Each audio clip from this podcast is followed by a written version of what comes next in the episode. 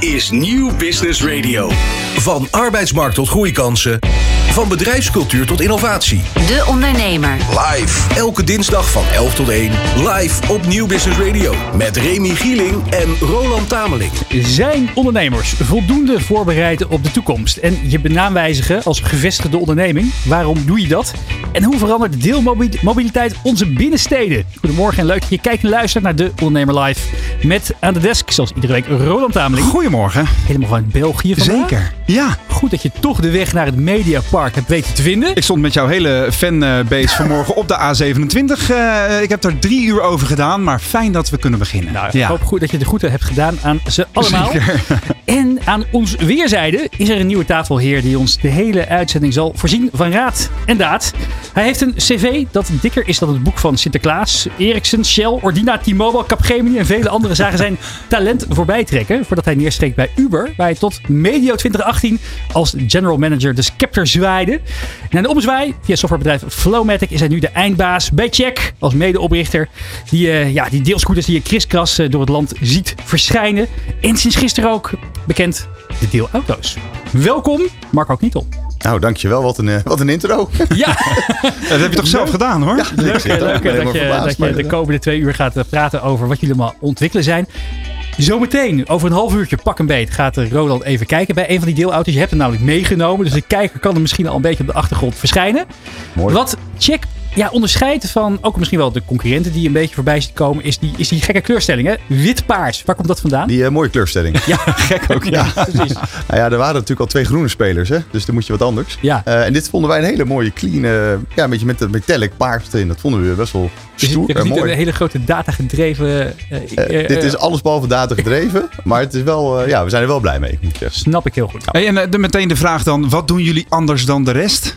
Ja, Even een power pitch. Nou, eigenlijk heel simpel. Aan de voorkant lijkt het allemaal redelijk op elkaar, hè, deelmobiliteit. Ja. Maar de echte verschillen zitten aan de binnenkant van het bedrijf. Hoe wij uh, met mensen omgaan, uh, hoe we voertuigen inzetten, waar we dat doen, op welke manier, de software erachter, de data. En hoe anders, is dat, dan, anders. hoe anders is dat dan, dan de concurrenten? Even, even in, een, in een notendop. Nou, notendop. Uh, alle beslissingen die we nemen zijn data gedreven. Dus we kijken heel goed naar, uh, naar ja, gegevens van steden, et cetera, voordat we daar lanceren. Uh, en als we daar lanceren, dan zie je ook dat het product snel uh, goed gebruikt gaat worden. En waardoor we ook winstgevend zijn. Ik hoor al vier keer het woord data, Remy. Jij gaat blij worden vandaag. Hier, dit wordt een leuke uitzending. We gaan daar zo meteen dieper op in, verderop in de uitzending. Even heel kort de cijfertjes. Deelscooters, 20 steden. Vandaag nummer 20. Ja, inderdaad. Sliedrecht? Uh, Schiedam. Schiedam. Schiedam is erbij gekomen. Zeker, vanmorgen. Uh, eentje in Duitsland. Eén in Duitsland, Düsseldorf. Düsseldorf. Met mopeds, of met uh, scooters en met uh, Stepster. En 600.000 gebruikers. Correct, iets meer zelfs, 630. Ja, en uh, het aantal ritten ook gaat door het dak hè, per ja. dag. Uh, nou ja, zeker. We doen nu ongeveer uh, ja, 40.000 ritten per dag. en dat, dat blijft groeien. We zijn verdubbeld ten opzichte van 2021. en ik denk dat die groei alleen maar gaat doorzetten. Nee. 40.000 ritten per dag. Je zei net, hoeveel touringcars zijn dat? Dat zijn ongeveer 1000 touring. Ik heb dit even opgezocht. Ja? Het zijn 1000 touringcars per dag die je vervoert. Kijk. Dat, dat is 13 kilometer aan touringcars. Als je het zo uitdrukt. Dat uh, gaan we even laten dag. bezinken en zo meteen daarover verder praten. We gaan heel snel van start. Van arbeidsmarkt tot groeikansen. Van bedrijfscultuur tot innovatie. De Ondernemer. Live. Elke dinsdag van 11 tot 1. Live op Nieuw Business Radio. Ja, ik probeer een beetje dat, uh, dat beeld voor me te zien van al die touringcars die hier dat mediapark op en af uh, gaan. Een soort treinkaravaan. Ik denk dat je een flinke file ermee kan veroorzaken. Dus goed dat dat wordt opgelost Precies. door jullie scooters en inmiddels ook auto's. Maar Marco, we gaan de komende twee uur met elkaar doorbrengen. En we beginnen dan altijd met uh, zes prangende vragen. Zodat de kijker en luisteraar jou ook wat beter leert kennen. Ik ben benieuwd. Hoor door. Het probleem dat wij bij Check proberen op te lossen is... Is eigen autobezit. Als ondernemer maak ik mij het meeste zorgen over. Ik maak me eigenlijk weinig zorgen. Is er niks waar je van wakker ligt? Op het moment niet, nee. Oké, nee. oké. Okay, okay. Als ik in het torentje zat, zou ik morgen dit als allereerste veranderen. Oeh, dat is een lastige. Uh, daar kom ik bij op terug. Het allerliefste zou ik check aanbieden in deze wereldstad. Uh, nou, om te beginnen in Utrecht. Uh, wereldstad. Ja, uh, ben ik en, heel blij mee. En denk ik, ja, grote steden. Alle grote, hoe groter de stad, hoe beter. Waarom is hij nog niet in Utrecht? Gaan we zo meteen over hebben. Gaan we zo, gaan we zo over hebben. Hou je um, met deze ondernemer zou ik graag een week op een onbewoond eiland willen zitten. Oeh. Um, denk toch heel cliché, maar Richard Branson was toch mijn grote voorbeeld vroeger. En ja, en hij heeft een eiland. Ja, opgelost inderdaad. en dan tot slot, mijn missie is geslaagd wanneer? Alle mensen die uh, voor check werken, direct en indirect, met zoveel plezier naar hun werk gaan als ik elke dag doe. Oké. Tot ja, zover. Zo dadelijk praten we verder met Marco Knietel van Check. Maar eerst het laatste ondernemersnieuws. De Ondernemer. Live op Nieuw Business Radio. Dit is het ondernemersnieuws van dinsdag 7 maart. Curator Reinoud van Oeyen heeft uh, de failliete bouwer van zonneauto Lightyear uh, nog geen overeenstemming uh, bereikt met de, met de financiers die de doorstart mogelijk zouden moeten maken van het zonneautobedrijf. Dat blijkt uit het eerste faillissementsverslag. Dat is doorgelicht door RTL Z. Daaruit blijkt ook dat de verliezen van de autobouwer afgelopen jaar explodeerden. Lightyear zelf zegt nog niet te kunnen reageren, want ze stellen we kunnen pas met de media praten als we een complete deal hebben, inclusief de intellectual property rechten die nog onderdeel zijn van de failliete boedel. Hoeveel was het nou? 64 miljoen, hè, geloof ik. Er was een hele hoop doorheen gegaan. Ongelooflijk, ja. Nou goed, dan nieuws. Inderdaad, Daan, dankjewel. Uit onverwachte hoek. Een groep vissers heeft gisterochtend een brandbrief aangeboden aan koning Willem-Alexander. Voor de poort van Paleis Noordeinde in Den Haag stonden zo'n 20 vissers namens een breder initiatief om hun ongenoegen duidelijk te maken over de noodtoestand, zeiden ze zelf, in hun sector. Ze zeggen onder meer dat de vele regels vanuit de overheid direct tegen de grondwet ingaan. Dan gerommel in fietsenland. Ondernemer Daan van Renselaar gaat de leiding van zijn bedrijf Stella Fietsen overlaten aan een nieuwe CEO. De oprichter vertrekt als onderdeel van een reorganisatie die zijn e-bike bedrijf weer gezond moet krijgen. Het bedrijf heeft een leider nodig in deze fase die het leuk vindt om tien vergaderingen per dag te doen, al dus van Renselaar. Adelt de Boer, eh, nu nog directeur bij IT-bedrijf Centric, volgt van Renselaar per 1 april op als CEO. Lidl moet eh, van de Nederlandse arbeidsinspectie maatregelen nemen voor het aanpakken van de werkdruk bij de supermarktketen. Na klachten van eh, vakbond FNV heeft de inspectie een overtreding geconstateerd bij eh, het supermarktbedrijf. Volgens de vakbond dreigt een boete voor Lidl als de super geen actie onderneemt om de overtreding op te heffen. En dan tot slot de douane. Die zou het ondernemers beletten om voor hun recht op te komen. Zo blijkt het rondgang van het FD langs diverse fiscalisten. De douane krijgt het verwijt niet inhoudelijk in te gaan op argumenten van ondernemers. Die bijvoorbeeld een navorderingen krijgen opgelegd wat zij onterecht vinden. Uh, rechters hechten vervolgens meer waarde aan het woord van de douane dan dat aan de belanghebbenden. En laten vormfouten onbestraft. Meer ondernemersnieuws vind je uiteraard op deondernemer.nl. De Ondernemer. De Ondernemer live. Op Nieuw Business Radio. We praten verder met tafelheer Marco Knietel, medeoprichter van deelscooterbedrijf Check. Ja, ik zeg deelscooterbedrijf, maar het zijn tegenwoordig ook auto's. Hoe moet ik het noemen? Deelmobiliteit? Deelmobiliteit. Absoluut. Maar ik denk dat de meeste mensen het toch wel zullen kennen van die scooters. Klopt. Nou ja, we zijn natuurlijk pas net gelanceerd met de auto's. En ook alleen nog vrij klein in Amsterdam. Ja. Dus dat, uh, ja, dat heeft even tijd nodig. Maar Hoe- we zien hoe- de eerste, de eerste ritten worden gewoon gedaan. Hoe pitch je het op feesten en partijen als, eh, als tantes en ooms het nog niet kennen? Ja, dat is altijd wel leuk. Want de, de- dat is ook heel anders zeg maar, nu dan drie jaar geleden. Eh, de meeste mensen kennen het nu en hebben het nu gebruikt. Met 600.000 gebruikers, ja, dan, dan heb je... Dan, de meeste mensen beginnen het nu wel echt te kennen. Ja, 7000 scooters hebben jullie rond Ja, 7000. rijden. Klopt. Ongelooflijk eigenlijk, hè? Ja, dat is snel gegaan. Ja. We zijn eh, drie jaar geleden begonnen met 164 scooters in Rotterdam. En ja, daarna heeft de groei heeft zich, eh, heeft zich doorgezet. Was het van meet af aan het plan om deze, deze groeicurve te, te, te bewerkstelligen? Of, of is het harder gegaan dan je eigenlijk initieel had gedacht? Nou, ehm, kijk, iedereen begint met een idee, met, met, het, met, het, met het plan dat het heel groot wordt. Eh, aan de andere kant, heel realistisch, wij begonnen op 4 februari. En volgens mij een maand later zaten we in de eerste lockdown. Dus de eerste twee jaar waren een beetje, ja, waren wat lastig, laat ik het zo zeggen. Ehm, maar ja, ook, ook daar kan je dus groei eh, bewerkstelligen. En je ziet dat die groei zich nu doorzet. Dat de scooters steeds meer gebruikt worden. En steeds meer mensen ook die eh, de weg daar naartoe weten te vinden. Roland? Er is ontzettend veel aan de hand ook bij jullie in de branche. Hè? Want eh, er zijn wat eh, nou, collega's, eh, concurrenten die eh, nou, toch wel een uitdagende tijd hebben. eh, Ja, tegen, oh, tegen omvallen eh, eh, staan. Mijn vraag is eigenlijk heel concreet. Hoe zorgen jullie dat jullie rustig en gecontroleerd groeien? Nou, eigenlijk geef je zelf het antwoord. Eh, wij binnen ons bedrijf hebben het ook altijd over gevalideerde groei. Ja. Dus eh, nu ook, wij starten nu met 10 auto's. Als dat niet zou werken, raken we mee daar niet de winstgevendheid van het hoofdbedrijf. Mhm. Eh, dus alle steden, alles, hoe, hoe we alles aanpakken, is eigenlijk gevalideerde groei. Dus iets rustiger groei misschien dan de rest. Alleen we groeien wel op een manier dat het ook eh, uiteindelijk sustainable is. Want heel veel mensen kijken naar ons en terecht. Als een bedrijf wat, wat duurzaam is en wat duurzaamheid ehm, uiteindelijk creëert. Ja. Maar dat moet wel winstgevend zijn. Anders ben je na een paar jaar uitgespeeld. En dan is er van de duurzaamheid ook weinig te, terug te zien. En dat zie je nu bijvoorbeeld eh, gebeuren bij GoSharing. Hè. Die zijn dan weliswaar, eh, dat is een grote voorname concurrent. Die zijn gered door een, een, een Turkse maatschappij, Binbin. Ehm, bij jullie is dat niet aan de orde. Eh volgens nog inderdaad, jullie zijn onderdeel van, van PON. Hè. De, de grote, nou ja, de, de- Ja. mede, mede gefinancierd door, laat ik het zo zeggen. Ehm, waar komt dan die, die bedrijfsstrategie vandaan? Is dat uit jouw koker? Nou, ik deed, om even één stap terug te gaan nog over die eh concurrenten. Want wij zien dat echt als collega's. Het klinkt een beetje cliché, maar eh, de, die hele markt van deelscooters of micromobiliteit of, of shared is, is eigenlijk nog zo klein. Ja. Dat wij er ook niet per se bij gebaat zijn als andere spelers, zeker in Nederland, omvallen. Mhm. Dus wij zijn ook blij dat ze, ehm, dat ze een doorstart kunnen maken. Dus dat, dat wil ik sowieso gezegd Was je verbaasd over het nieuws? Dat, wat mij redelijk verbaasd. Een tijdje terug was eh, CEO Raymond Pauwels van GoSharing ook, eh, ook hier nog eh, te gast. Ja, Hebben oké. verteld over de groeiplannen en de ambitie. Het kon En- niet op, hè? Het kon niet op. Ja. Uiteraard hebben zij ook te maken met, met, met, met veranderende markten. Mij had het wel verbaasd, maar misschien omdat jij in de markt zit, dat je dit wel een beetje zag aankomen. Nou, ik weet niet wanneer hij hier was, hoe lang geleden dat Ja, is. half jaar, eh, Ja. halfjaartje. Ja. Nee, nou kijk, ehm, wij focussen ons heel erg op die, op die winstgevendheid. En het klinkt dat veel mensen vinden dat toch een beetje een vies woord op een of andere manier. Maar het is gewoon heel belangrijk om, om te groeien op een manier waardoor je wel je eigen broek omhoog kan houden. En eh, nou ja, terugkomend op dat punt inderdaad over eh, PON. Wij, dat is onze eerste investeerder. Eerste, eerste investeerder is uh, Ponhoek. Mhm. De investeringsmaatschappij van, eh, van PON. Ja. We vallen daarmee ook niet onder PON. We zijn ook geen onderdeel van, van een PON-groep of wat dan ook. Mhm. Eh, we hebben ook een tweede investeerder eh, aan boord gekregen. eh ongeveer een jaar geleden. Slingshot Ventures. Correct, Slingshot Ventures.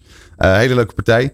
Ehm, en ja, we zijn dus een volledig zelfstandig bedrijf. En ja, En, en, maar die, mijn vraag was ook, eh, want ik, ik ken PON natuurlijk vanuit mijn achtergrond ook vrij goed. Dat is ook een, een, in, in, in positieve zin een conservatief bedrijf. Eh, wel overwogen beslissingen, eh, goed nadenken over de, de strategie. Ehm, de vraag was, waar komt dan jullie strategie vandaan? Is dat iets wat, je, wat in jou zelf zit ook?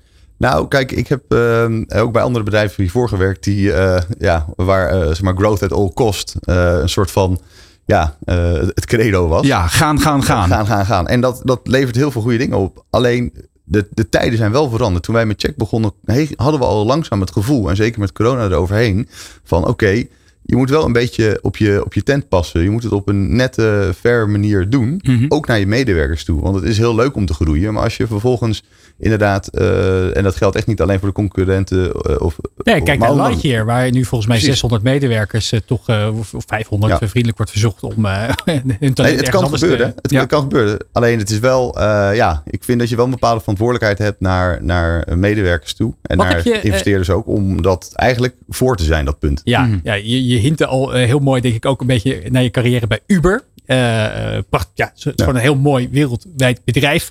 Die ook eh, onder een nieuw leiderschap een hele andere koers in is gegaan. Mhm. Wat, heb je daar, wat, wat, wat zijn de main lessen die je daarvan hebt meegenomen? Nou, wat me echt bijgebleven is, omdat dat bedrijf zo'n sterke aantrekkingskracht had, zeker aan het begin ook op de arbeidsmarkt, is op elk onderwerp zit daar de best of the best. Heb je het over e-mail marketing, heb je het over eh data-analyse, heb je het over database optimalisaties eh, binnen de techwereld, heb je het over eh, routing, heb je het over graphic design. Letterlijk op elk onderwerp zat daar de top van de top op internationaal niveau. En dat is wel heel leuk om met die mensen ja, een paar jaar samen te hebben mogen werken Wat heb je daar zelf van overgehouden dan? Dat je vooral op zoek moet gaan naar mensen die overal beter in zijn dan je zelf bent. Ja. En dat is mijn, ja, mijn doel is eigenlijk om die mensen bij elkaar te brengen. Ja, ik vind het altijd interessant om dat heel praktisch te maken. Want natuurlijk doe je dat. Maar in, in jouw dagelijkse praktijk, want je bent voorzichtig aan het groeien, gecontroleerd aan het groeien. Hoe speur je dan de markt af naar de juiste types? Eh, op de arbeidsmarkt? Ja? Nou ja, dat, aan het begin is dat veel lastiger. Want je hebt natuurlijk nog geen merk. Nou, sterker nog, je bent nog niet eens gelanceerd. En Ja. dan gaat het echt via je eigen netwerk. Met wie heb je gewerkt? Eh, kennen mensen weer mensen die mensen kennen? Dat is toch wel hoe het werkt. Ja, en nu merk je dat als je een vacature openzet. We hebben er nu een openstaan voor een, eh, een eh, growth marketeer. dus binnen, binnen het marketingdomein.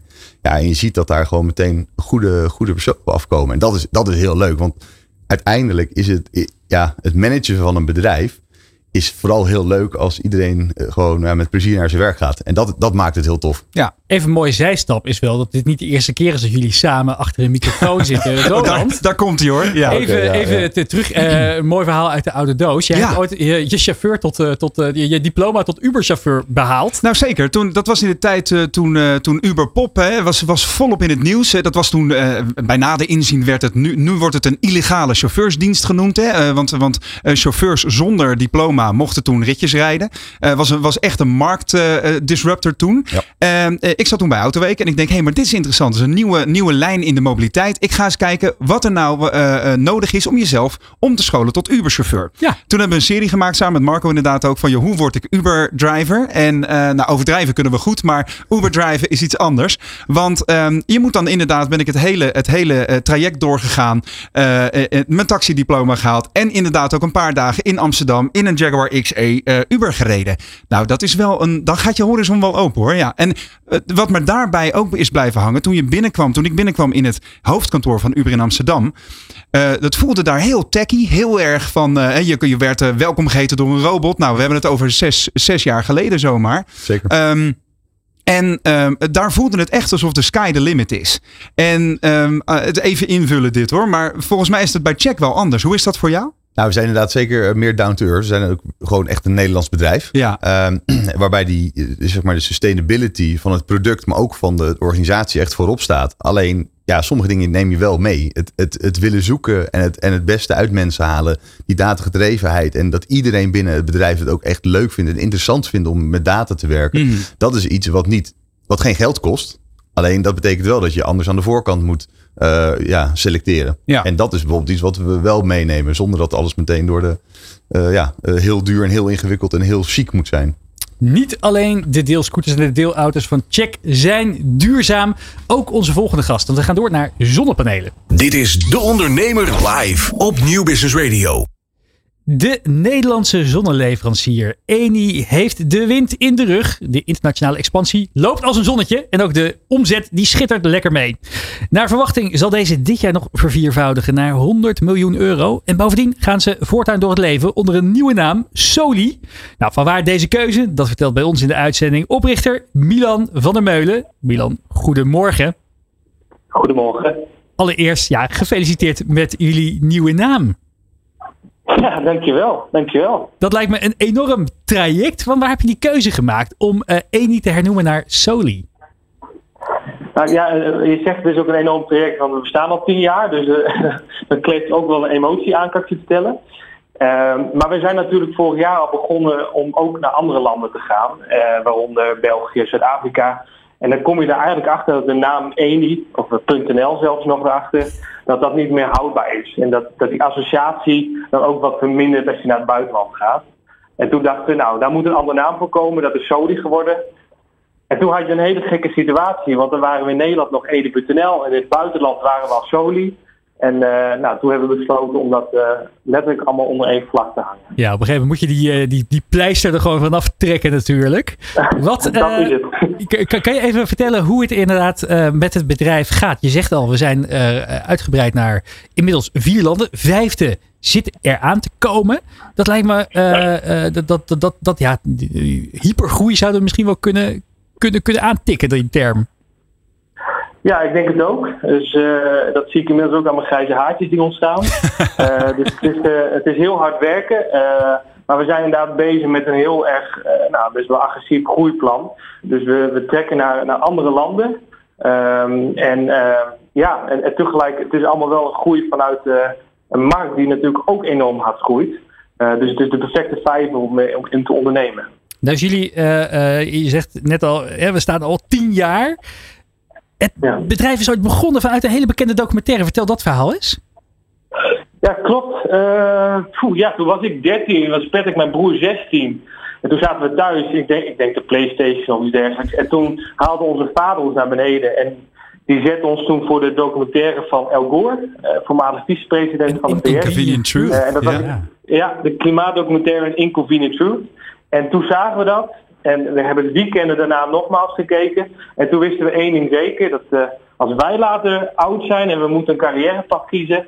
dan willen we bezig gaan met het, eh, ja, het vinden van oplossingen voor dat grote vraagstuk. En, eh, en toen zijn wij in zonne-energie beland. Ja, fantastisch. Hey, en ondernemen met je broer, nooit ruzie? Nee, nee, dat, die vraag krijgen we heel vaak. Maar ik denk dat het ook echt komt doordat die voedingsbodem hetzelfde is. Hè. De reden dat we dit zijn gaan doen, dat is, ja, dat is een soort gemeenschappelijke waarde. En dan staan er ook geen eh, verborgen agenda's op, op afgunst. Eh, nee, dan, dan ontstaat er in ons geval juist, ja, denk ik, toch een vorm van synergie. Dus, eh, dus dat, ja, ik denk dat dat een van onze succesfactoren is, ook van het bedrijf. Hey, eh, over synergie gesproken. Onze tafelheer vandaag is Marco Knietel, medeoprichter van uh, deelmobiliteitsbedrijf Check.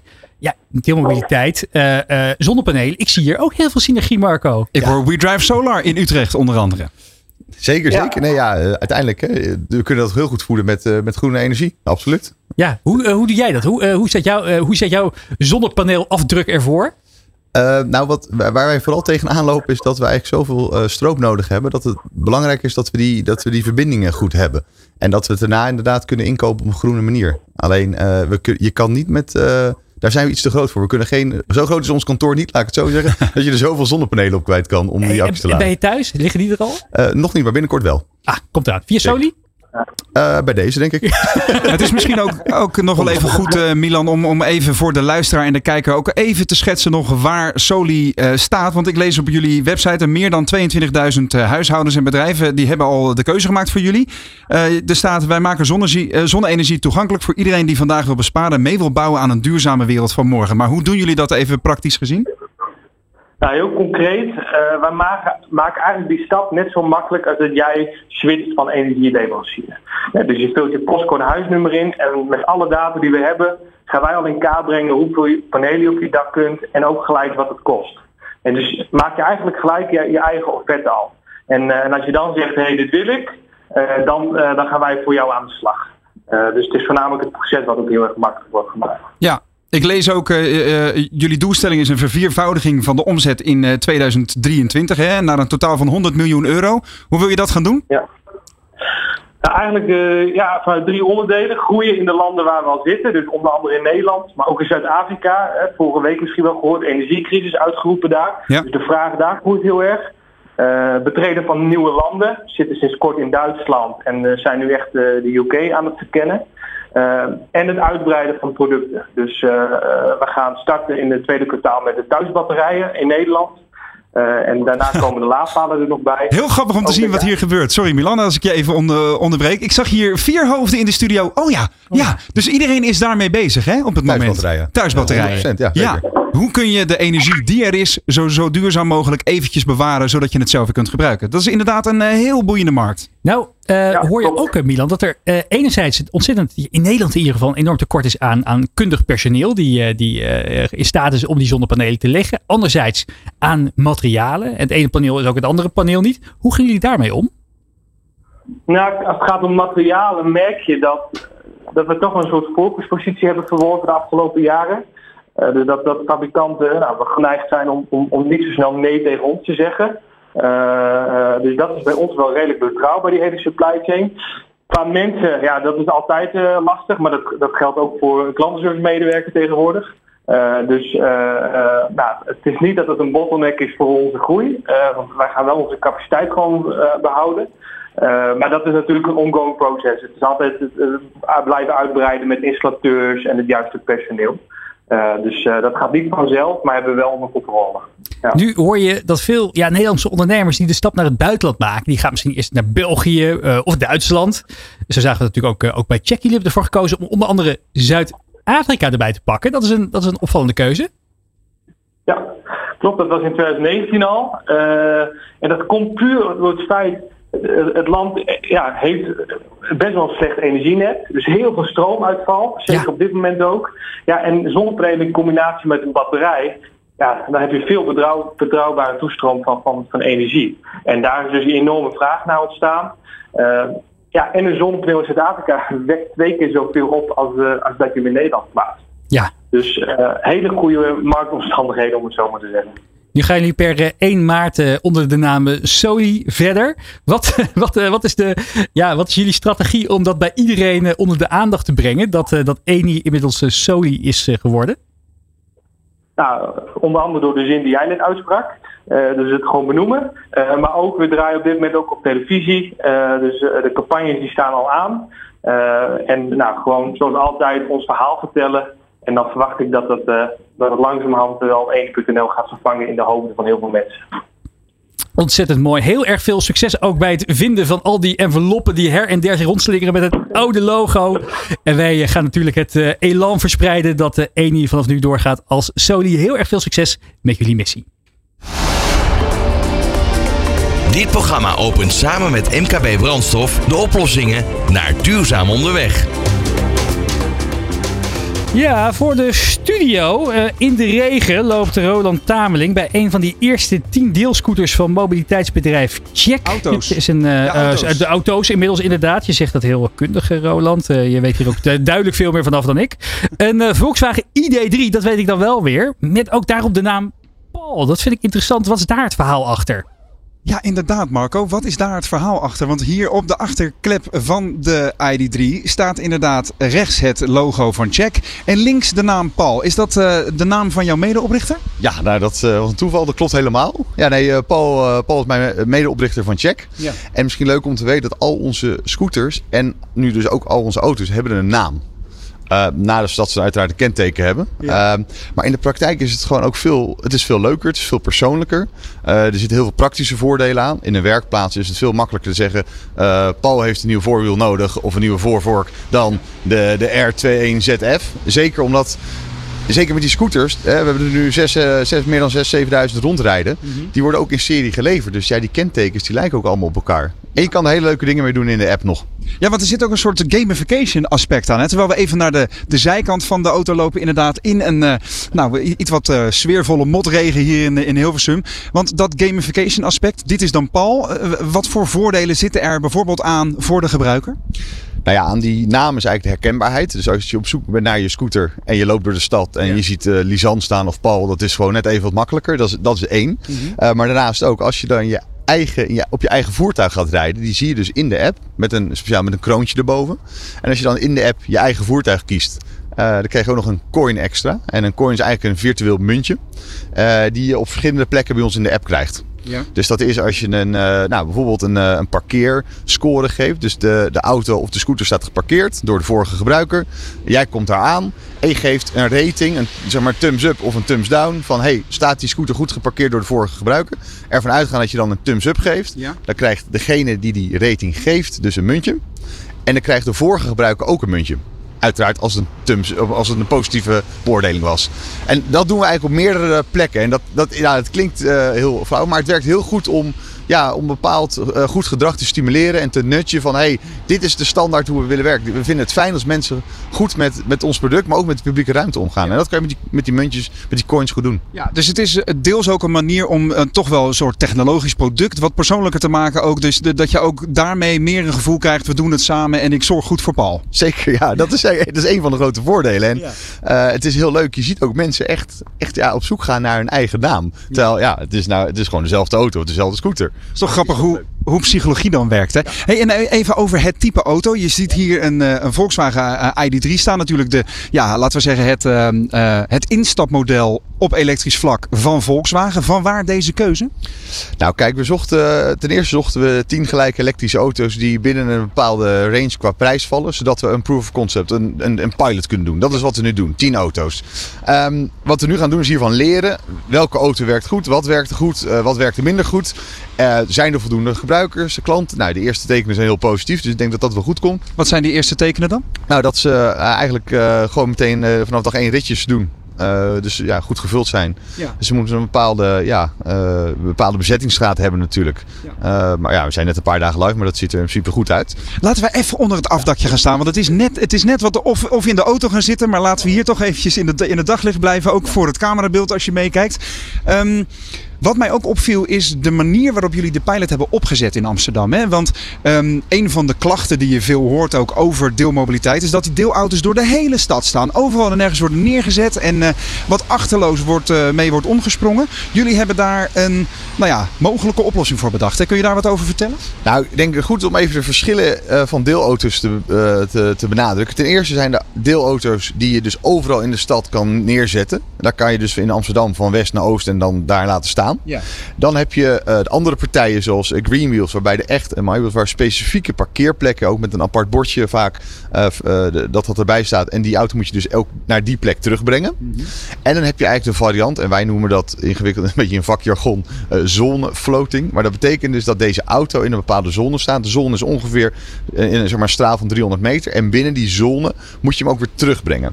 En wat heeft dat als voordeel? Is dat je niet een specifieke parkeerplek ja, eigenlijk bezet houdt als die auto er niet is. Want ja, dat is, dat, ja, dat is het hele idee dat je dat dus niet meer hebt. En dat is een grote frustratie van veel buurtbewoners bijvoorbeeld. Hè? Ja, en ja, terecht. Ik, ik heb het zelf ook eens Als er dan een auto weg is, dan denk ik, ja, maar die auto, ja, zonde. Waarom kan ik mijn auto daar niet kwijt? Dus, Ja. dus, ja, eh, dus, dus dat is een probleem wat je oplost. Maar wat je ook ziet, is dat je hiermee wel heel erg stimuleert. En dat heeft ook met onze, met ons pri- eh, prijsmodel te maken. Dat mensen die, stad gaan, of die auto gaan gebruiken om de stad uit te gaan voor lange ritten. Nou, zoals nu, bijvoorbeeld naar Amsterdam-Hilversum. Ja. Dit is een mooie rit. Doe ik niet op de scooter vanuit Amsterdam uiteraard. Maar het is perfect. Ik ben die auto, ik ben in principe een paar uur met die auto onderweg. Kost me denk ik... eh, nou, 30, 30 euro. Ja, daar rij je geen eigen auto voor. Je hoeft niet na te denken over de parkeerplaatsen, de kosten, de verzekering, et cetera. Eh, dus dat zijn de, eigenlijk de drie, de drie manieren van eh, deelmobiliteit. En wij hebben dus ervoor gekozen om dat met die zones te doen. Omdat we denken dat dat de, in de toekomst eigenlijk de, ja, de meest eh, houdbare eh, situatie is. Die, waar ook ja, de, stad, de niet-gebruikers het meeste baat bij hebben. Want dat is eigenlijk ook echt goed om te... Wij leven bij de gratie van, van gemeentes en overheden. Uh, en die wordt voor een groot deel, en helemaal terecht, wordt die ook beïnvloed door de niet-gebruikers. Wij hebben heel veel gebruikers, maar we hebben nog veel meer niet-gebruikers. Dus het is beter eigenlijk om die niet-gebruikers ook als klant te zien. En te zorgen dat hè, met zo'n coins-programma over dat parkeren, et cetera, uh, dat we zorgen dat die niet-gebruikers uh, tevreden zijn met ons product. Ook al gebruiken ze ons niet. En daarmee een overheid of een gemeente tevreden is. En daarmee kunnen we een product bouwen waar onze uiteindelijke rijdende gebruiker tevreden mee is. Ja, we kunnen daar in de studio straks nog wel even over doorgaan. Um, de manier waarop jullie dus um, uh, ja, de, de gebruiker ook stimuleren om niet uh, met de auto in de stad te rijden. Want daar heb je de scooters en de, de fietsen bij wijze van spreken al voor. Uh, wanneer is de pilot in Amsterdam geslaagd, eh, Marco? wat zijn de pijlers waarop jullie drijven? Nou, eigenlijk kijken we hoeveel ritten zo'n auto gaat doen. Hoe lang, waar naartoe. En als wij het idee hebben dat dat dus, uh, ja, zoals ik net ook zei, winstgevend is. En winstgevend is echt geen vies woord. Het is gewoon belangrijk, want het voorkomt de, dat je dus uiteindelijk ontslagrondes moet aankondigen. Ja. Maar als we dit op een duurzame manier kunnen doen, dan, uh, dan gaan we dit uitbreiden. Again, als de, als de gemeentes daar ook mee instemmen. Maar de, ook daar, die, die staan hier positief tegenover. Mm-hmm. Het voordeel is dat een auto ook een wat... Uh, is een, de deelauto is ook al wat bekender dan een deelscooter. En is wat, uh, ja, ligt, wat, ligt soms wat minder gevoelig. Dus ja, en, en ze liggen niet, uh, niet zo snel in de sloten. Dat scheelt natuurlijk ook. Nee, dat, uh, dat hoop ik niet, nee. Nee. Hey, en uh, stel dit is een succes. Uh, welke steden kunnen we dan binnenkort zien daar, waar, waar, we, waar we dan de checkauto's in zullen verwelkomen? Ja, dat is, daar wil ik echt nog niet op vooruit lopen. we zijn nu letterlijk 72 uur live met 10 auto's in Amsterdam. Ja. we gaan eerst die pilot doen, zodat, zoals we dat ook in andere steden hebben gedaan. Mm -hmm. Met andere modaliteiten en, en steden en uitbreidingen. Ja. En nou ja, daarna is in principe natuurlijk... Kijk, om je idee te geven, in Amsterdam staan er 5000 auto's per vierkante kilometer. Ja. Dat is een, en die staan allemaal stil. 23 uur per dag staan ze stil. Mm -hmm. Ja, dat is eigenlijk, hè, we zijn hier bij de ondernemer, maar als je, een, als je een onderneming zou runnen wat 23 uur per dag stilstaat, dat, is, dat, dat, dat, dat, dat kan niet meer. Dus nee. ik, ja, ik weet dat je een autoliefhebber bent, maar ik zie autobezit toch echt meer als een, als een hobby zoals motorrijden later. Ja. Voor het functionele gedeelte deelauto's. Ja. Nou, en laten we nog eens eventjes, uh, uh, terwijl uh, ik toch even achter het stuur wil gaan zitten zo. Um, Laten we het nog even hebben over het financiële aspect van deze auto. Stel, ik wil deze check-auto gaan inzetten, de, de ID3. Wat kost me dat als, als Hollandse gebruiker? Nou, dat is heel simpel eigenlijk. Uh, het prijsmodel werkt precies hetzelfde met de scooter. Dus je stapt in, je betaalt een starttarief van 2 euro. Daarna is het 30 cent per uh, minuut uh, op het moment dat je rijdt. Maar zoals nu staat hij dus in de parkeerstand mm -hmm. of in de pauzestand. En dan betaal je maar 15 cent per minuut. Okay. Dus dat. En dat zien jullie allemaal natuurlijk op het moment dat je eh, uit de data kun je halen wat, hoe, hoe de gebruiker die auto precies heeft ingezet. Dat zijn, dat zijn precies de variabelen die, die we nu gaan testen. Heel goed. Ehm, dit is even snel. Een update over de eerste vloot aan elektrische auto's, deelauto's die onder de vlag van Check rijden. We gaan snel weer naar binnen, Marco. Dankjewel. Geweldig om te weten. Iedere uitdaging is een kans om met een slimme oplossing te komen. Daarom wordt dit programma mede mogelijk gemaakt door MKB Brandstof. Ja, en gelukkig mogen Roland en Marco weer eh, terug naar binnen in de warme studio. Hier bij eh, de radiofabriek Nieuw Business Radio op het eh, Mediapark. Terwijl inderdaad buiten het ja, koud en nat weer is. Marco, ben je blij dat je weer eh, lekker eh, bij de verwarming mag staan? Ja, wij noemen dit eh autoweer vanaf nu af aan in plaats van scooterweer, Ik denk snap ik. het inderdaad. Heel goed. Hey, je legde net al even uit wat, het, wat jullie pricing model is voor een nieuwe check deelauto. 72 uur zijn ze, zijn ze live. Instapbedrag, bedrag per kilometer, bedrag per minuut. En een bedrag voor, ja, dat, dat, dat die, als je dan op pauze zet, dat je hem even parkeert, betaal je wat minder. Ik eh, hoorde hier in de studio ook nog even, oh, dat klinkt wel duur. Hoe is dat als je het verhoudt ten opzichte van eh, traditioneel autoverbruik? Qua, qua kosten? Een eigen auto bedoel? Of een eh, andere deelauto? Ja, precies. Dus je zult nog steeds mensen moeten overtuigen dat dit misschien een beter alternatief Ja. is dan een tweede auto bijvoorbeeld erbij nemen. Nou ja, het is inderdaad, kijk, als je echt een, een eigen auto gaat doorrekenen, wat die echt kost. Ja. Ik denk dat er heel veel mensen zijn. eh, Roland, jij weet natuurlijk beter die ja. cijfers. Nou, heb je dat voor de gein wel eens op een rijtje gezet voor, van je eigen auto? nee. Ja, je Durf valt niet. stijl achterover. Ja, het is bizar. Ja, jij Ja, zou iets wel vanaf 500 netto per maand of zo, hè? Een eigen auto, ja. Als je ervan uitgaat dat je een auto van eh 6, 7 jaar oud zou rijden. eh, dus afschrijving relatief beperkt is, et cetera. Maar in Amsterdam ook met een parkeervergunning, met een verzekering. Onderhoud, benzine. Onderhoud, brandstof, ja. toch ook nog afschrijving. Ja, dan kom je echt op die 400, 500 euro eh, per maand netto uit. Minimaal, En als je dan ja. eh, ervan uitgaat dat je ook nog, nou ja, misschien eh, gemiddeld vijf weken op vakantie bent. Of die auto in ieder geval dan stilstaat. Ja, Ja, dan verhoog je dat ook nog eens met, met 10%. En als je hier naar kijkt, is eh ritje zoals hier Amsterdam hier naartoe. Twee, drie uur parkeren. Nou, ik denk dus dat het op nog geen drie tientjes of der- misschien 30 euro uitkomt. daar kan je heel veel ritjes voor Dan maken. kan je dat dus... Dan dat kan je twee uur dan bijna- parkeren in Amsterdam. Ja, maar dat moet je dan bijna om de dag gaan doen. Ja. Hier naartoe rijden. Zo. En dan is het nog steeds eh, goedkoper dan een eigen auto. Ja. En ik denk dat die dat eh, eh, zeg maar het gemakscomponent van een eigen autobezit, dat wordt geoverindexed. Dus Ja. mensen hechten daar heel veel waarde aan. En ik heb dat voor kort, tot voor kort ook gedaan. Maar ik merk nu ook hoe makkelijk het is. En daarnaast wordt eigenlijk het prijscomponent of het kostencomponent wordt ge, Onder, eh, ja. geonderindexeerd. Want ja, nee, ja, een ritje, wat kost een ritje nou? Ja, aan benzine misschien eh 6, 7 euro. Maar het hele vaste component, de laten we afschrijving, buiten beschouwing. laat iedereen maar buiten beschouwing. Dat is, eh, En het uitrollen van deze extra dienst. eh, ik kan me voorstellen dat het al vanaf het begin een wens was om ook auto's te gaan voeren. Maar eh, als je het dan toch hebt over risicoanalyses en weloverwogen ondernemen. eh, wanneer neem je dan het besluit om inderdaad die auto's erbij te zetten? Nou kijk, we hadden natuurlijk, eh, we hebben nu ongeveer 2,5 jaar ervaring met die elektri met, met scooters. Ja. Toen we hier aan begonnen. Eh, dus dat, die business, die, die staat. Die is solide, die is winstgevend. En dat is ook het moment om verder te kijken. Dit moet je dus niet in het eerste jaar doen. Of zeggen, we starten met eh, auto's, eh, fietsen, scooters, allemaal in dezelfde maand. Ja, het kan. Er zijn bedrijven en er zijn mensen die het kunnen. Maar ja, wij hebben ervoor gekozen om dat, eh, om dat niet te doen. Eh, Eerder ja. in deze uitzending zei je ook nog iets, iets opvallends. Even namelijk een Oh van de, de, de, de, de wereldsteden waar je ook graag je aanbod zou willen vergroten. Was Utrecht. Mijn stad notabene, hometown. Eh, waarom zijn jullie daar nog niet actief? Nou, kijk, er zijn meerdere steden waar we niet actief zijn. Hè? Utrecht, eh, Den Bosch en Tilburg, et cetera. En het heeft verschillende redenen. Ehm, maar wat we natuurlijk zien in Utrecht is dat daar een partij actief was die daar gestopt is. En dat vinden we heel jammer. Want waar we het ook aan het begin helemaal, helemaal aan het begin over hadden, over conculega's. ehm, dat, dat helpt onze markt en de perceptie niet. Wij geloven erin. En je ziet ook naarmate we in een stad zitten, dat het steeds vaker gebruikt gaat worden. En dat dezelfde gebruiker het ook steeds vaker gaat gebruiken. Ehm, en dat, ja, dat, dat zouden we ook graag willen aanbieden in de steden waar we nog niet zitten. Maar ja, die, eh, die gesprekken lopen. Is het, is het makkelijk om bij een nieuwe stad binnen te komen? Nou, Ik mag je gewoon zomaar ergens je scooters nee, nee, plaatsen? nee, nee. Dat, Mhm. dat, mocht, nou ja, dat, dat, mocht in het verleden dus wel eens. En dat zag je ook, dat sommige partijen daar dus, eh, nou ja, eigenlijk een zonder te vragen manier, begonnen, eh. zeg maar. En wij hebben altijd gezegd, ook dat weer, misschien toch met dat, nou ja, noem het risicomijdend, noem het volwassenheid, gezegd van oké, wij gaan alleen via de voordeur. Dus we vinden het heel belangrijk dat we die contacten eerst opbouwen en daarna bij een formeel akkoord pas starten in een stad. Ja. Nou ja, dan daardoor En- vis je ook wel eens achter het net. En hoe, begint dat? Ga je dan het gemeentehuisnummer bellen? Hoe kom je met de juiste mensen in Nee, contact? Nou ja, eh, dat ligt eraan. Kijk, eh, als je in één stad eh, actief bent, dan. Steden zijn ook willing. Hè? Het is niet zo dat steden hier tegen zijn. Dus de ene stad heeft gewoon wat. Is, is makkelijker of is daar verder in dan de ander. Ja. En wat je nu wel ziet, dat is een hele positieve ontwikkeling. Is dat de steden ehm, steeds professioneler worden. Dus je merkt het, de vragen die ze stellen.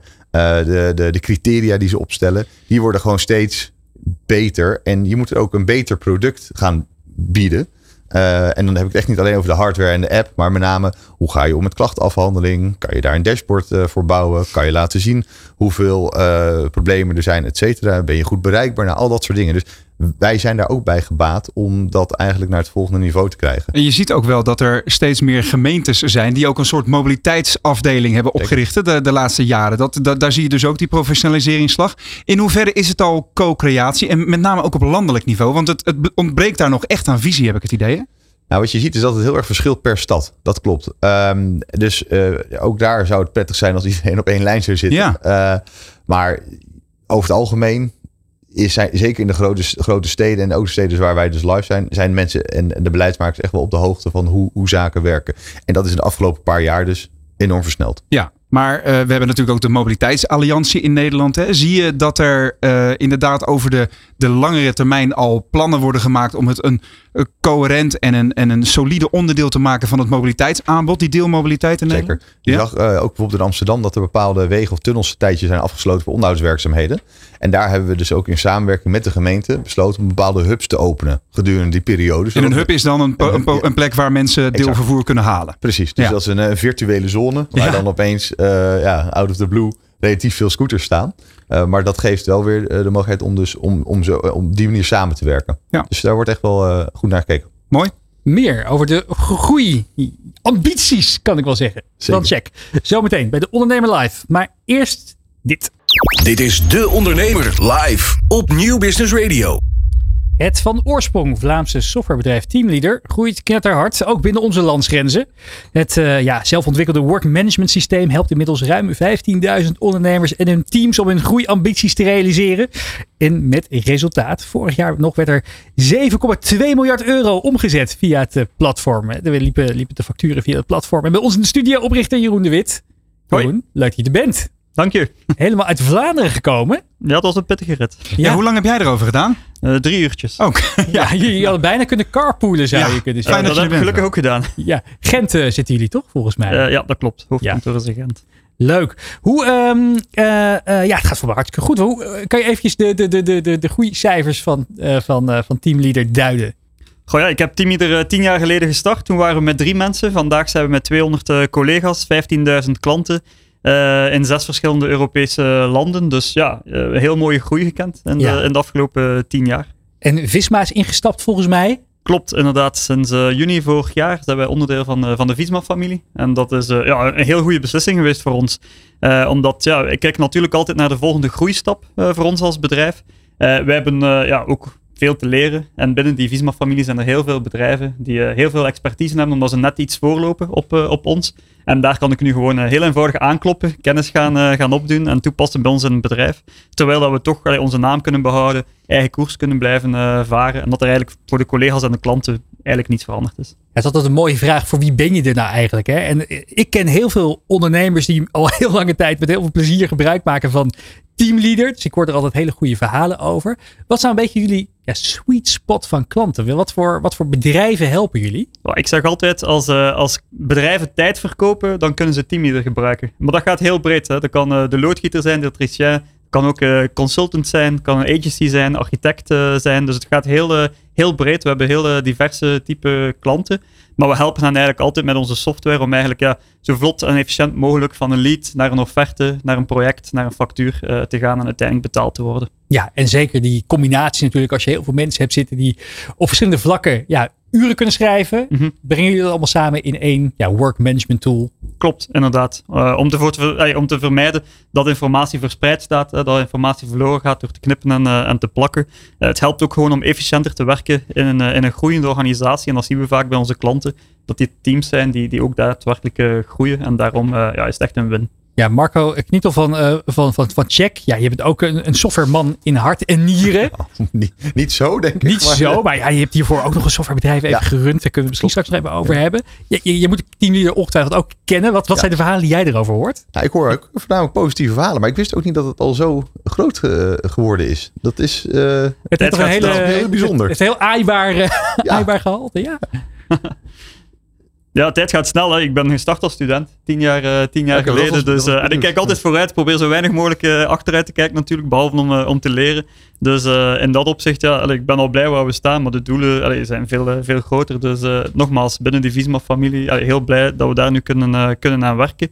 Maar ja, allee, het, gaat, ja, het gaat, gaat goed, ook in, in Nederland. Ik denk dat we, we hebben 15.000 eh, klanten. Ik denk dat er daar toch tussen de 4.000 en de 5.000 daarvan uit Nederland komen. Dus heel wat MKB's hebben de weg al naar ons gevonden. Ja, en jullie hebben recentelijk ook een onderzoek laten doen onder al die klanten. Want jij bent niet de enige die vooruit kijkt. Je wilt ook graag weten, Mhm. hoe kijken onze klanten naar de toekomst toe? Het, eh, het onderzoek heet ook Digitalisering biedt uitkomsten in onzekere tijden. Mhm.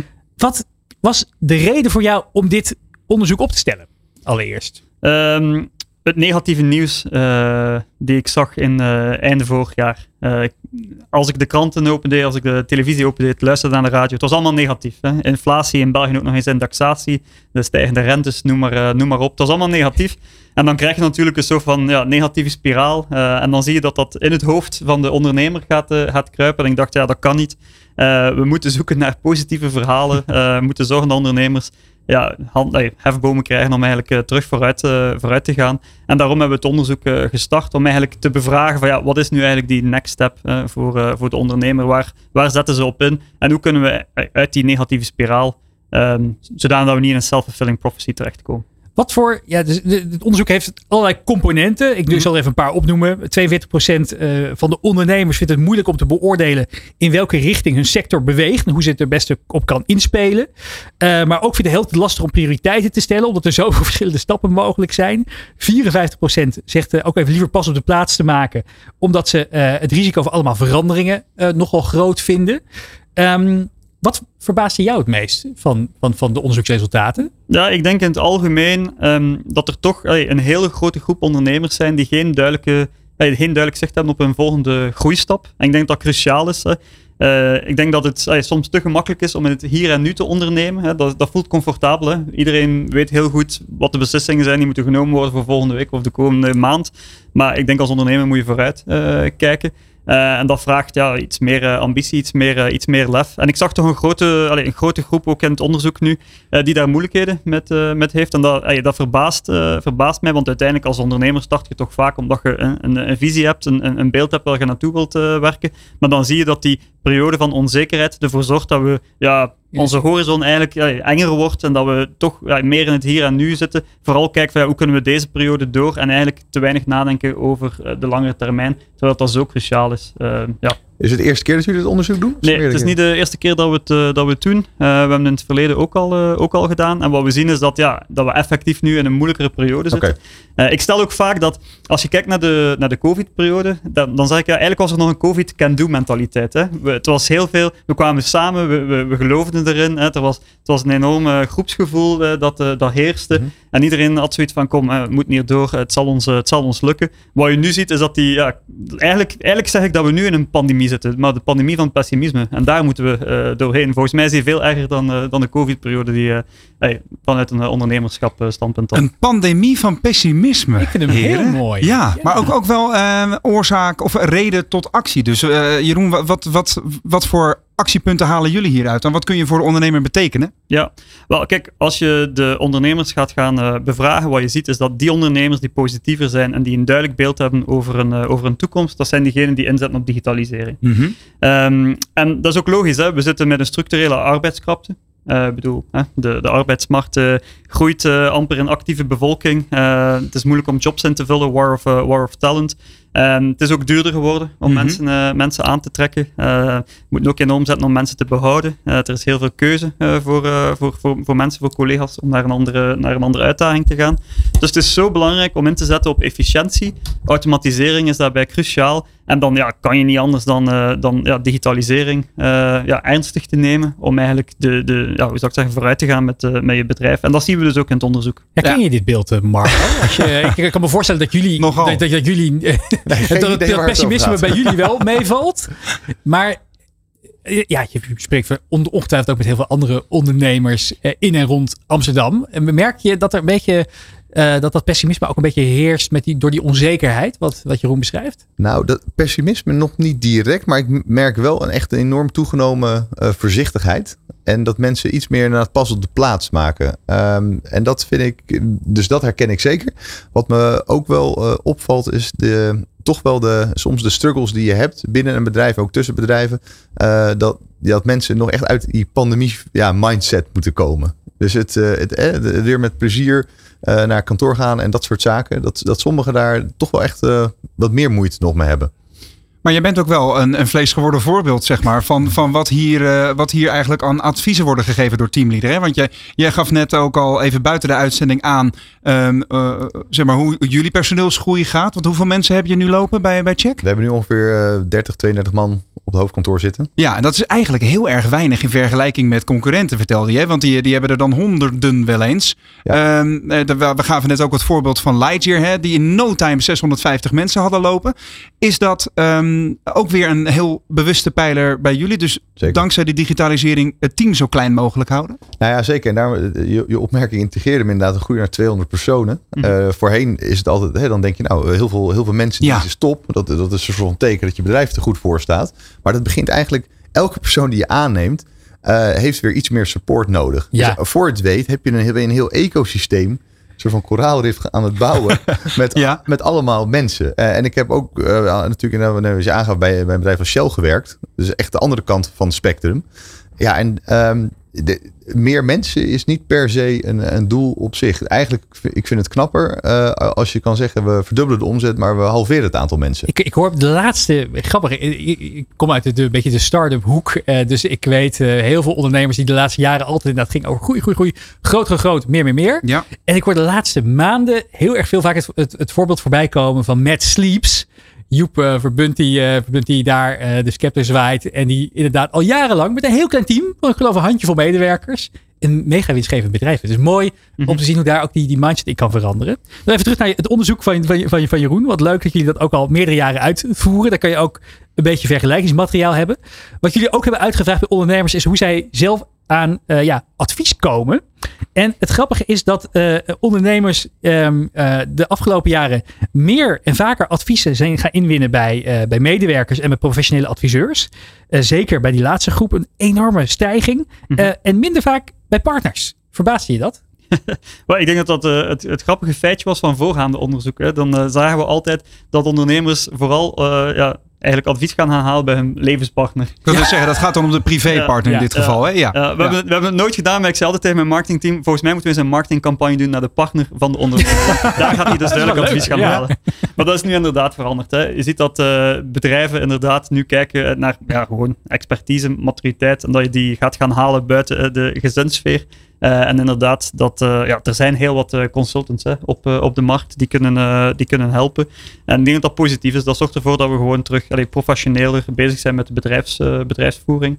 Uh, dus heel blij om dat te zien. En nou goed, de partners staan nog steeds op nummer 2 van de 10 meest geraadpleegde bronnen voor advies na de medewerkers. Inderdaad, de partner met de 65%. Dus misschien is die marketingcampagne op de partner nog niet eens zo'n heel erg slecht idee voor de toekomst. Nee, maar dat is ook weer gelinkt aan digitalisering. Hè? Want als je bijvoorbeeld kijkt, wat wij doen bij Teamleader, we helpen bijvoorbeeld heel veel bedrijven met een facturatie. Wij zorgen ervoor dat die facturen automatisch worden ingeboekt. Dat zorgt ervoor dat de boekhouder minder moet bezig zijn met die manuele handelingen en veel meer kan bezig zijn met effectief advies verlenen, inzicht uh, verschaffen naar die ondernemer. Dus ik denk dat ook die digitalisering helpt met die verschuiving naar veel meer advies en weg van die ja, taken die kunnen geautomatiseerd worden en die eerlijk gezegd te veel geld kosten.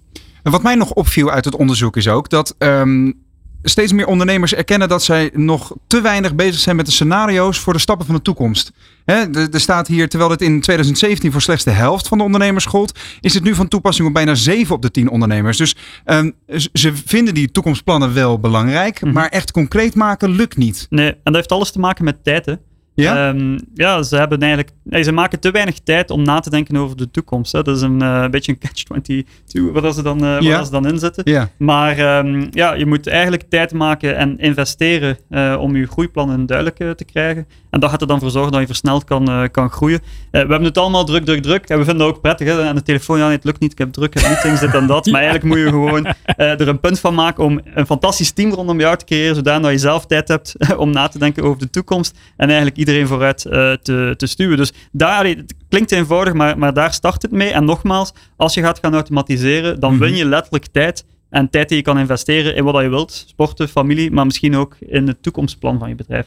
Ja, tijd voor creativiteit, zeiden wij altijd. Dat Ja. vind ik een eh, prachtige, mooie afsluiter van dit eh, eigenlijk eerste uur van de Ondernemer Live. Jeroen de Wit van Teamleader, bedankt voor je komst. Helemaal naar, eh, naar Hilversum toe. En ontzettend veel ja, succes de komende tijd om naast die 15.000 bestaande ondernemers nog heel veel meer teams te gaan helpen. De macht is groot, we gaan ervoor. Daarom, daar positief naar de toekomst te kijken.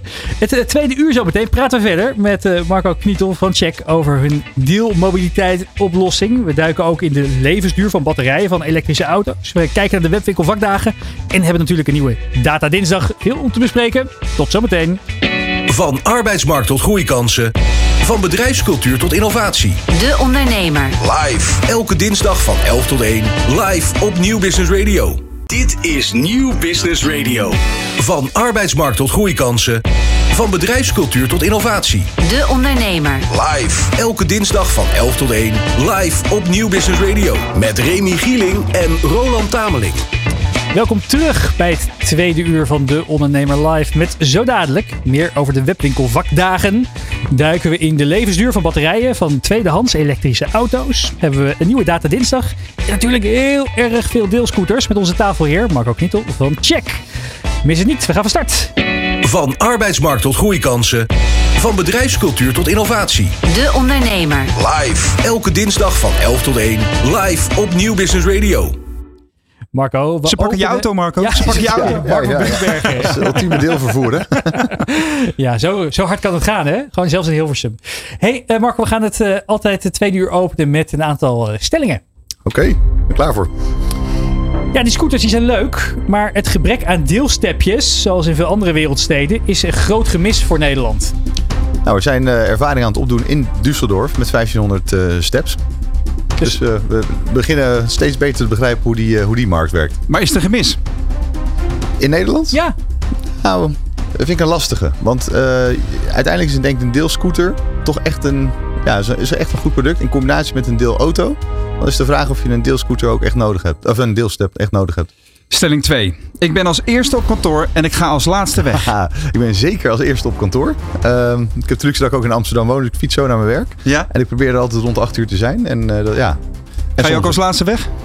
Ja, in principe eh, zo min mogelijk. Maar ja, het gebeurt wel eens. Eh, ja.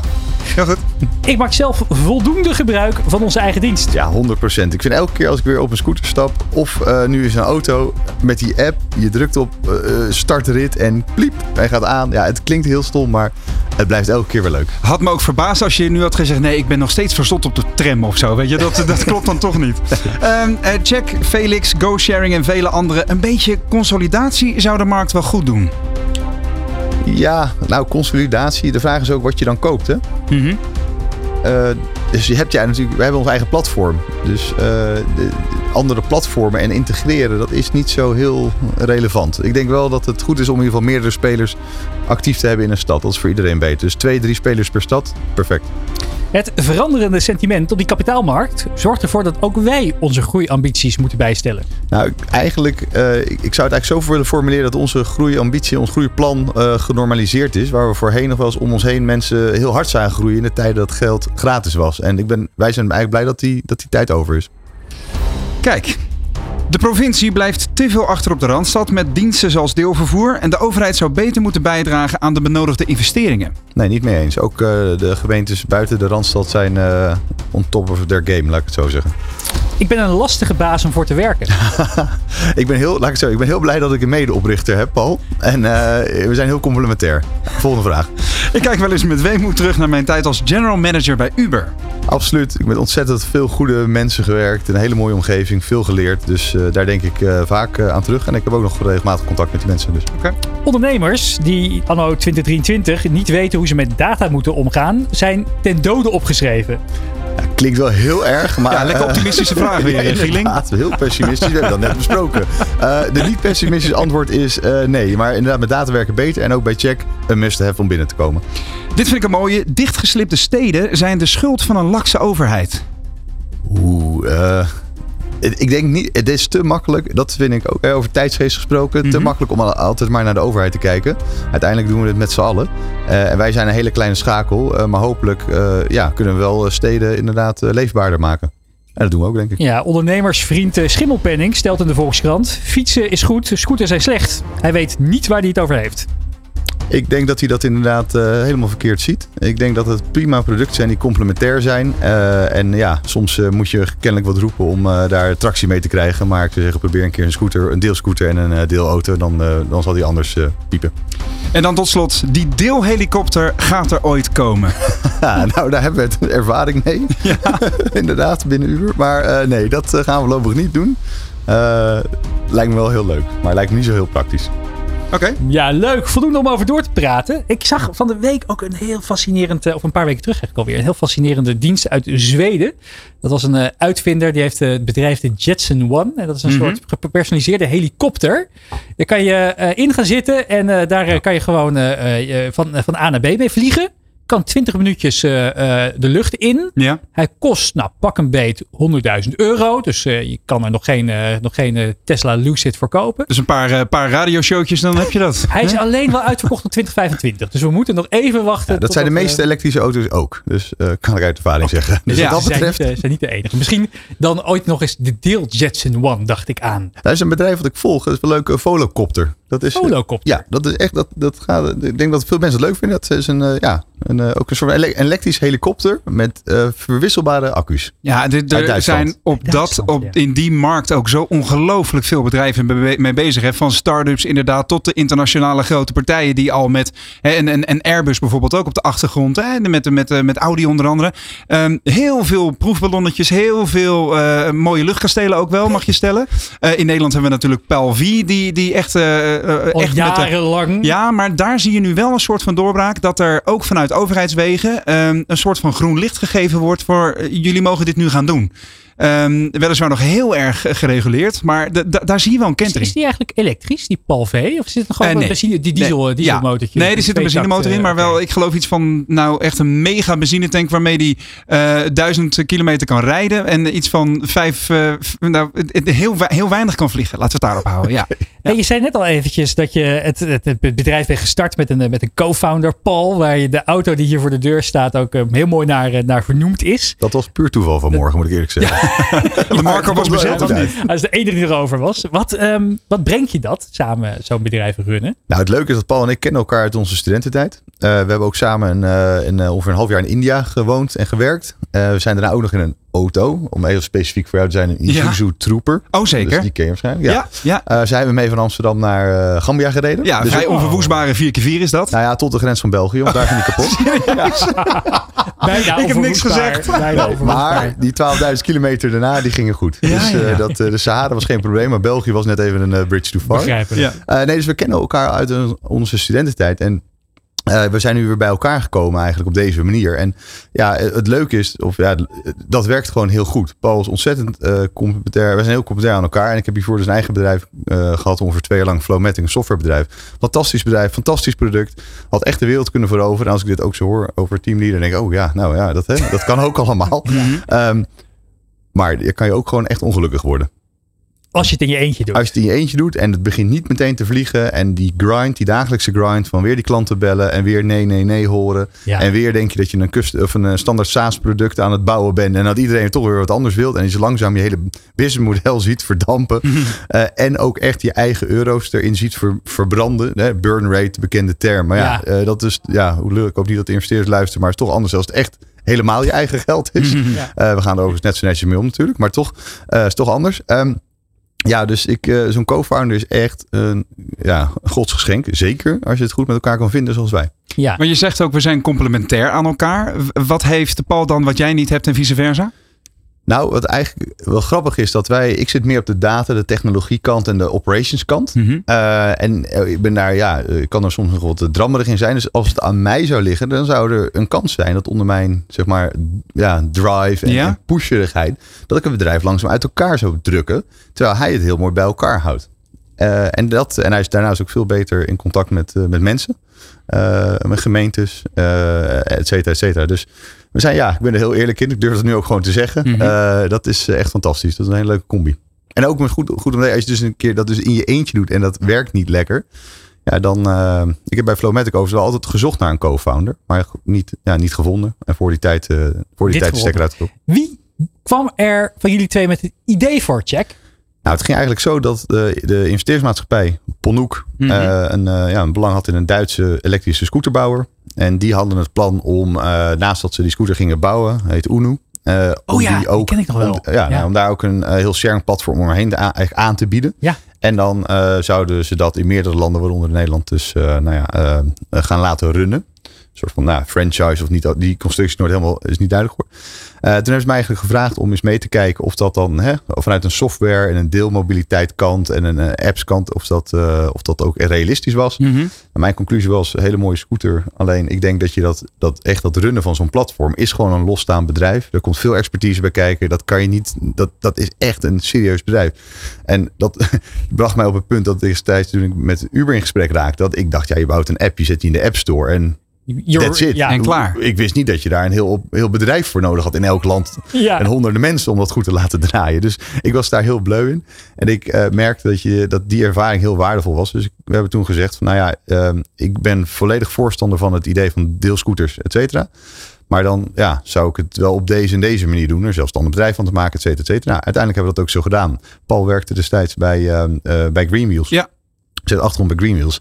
Eh, en toen kwamen het allemaal heel ja, natuurlijk bij elkaar. Eh, en op, eh, op die manier zijn we gestart. En we zijn uiteindelijk ook met andere scooters gaan rijden dan destijds. Dus eh, terugkomen op je allereerste punt. We, hebben ook geen verplichte winkelnering.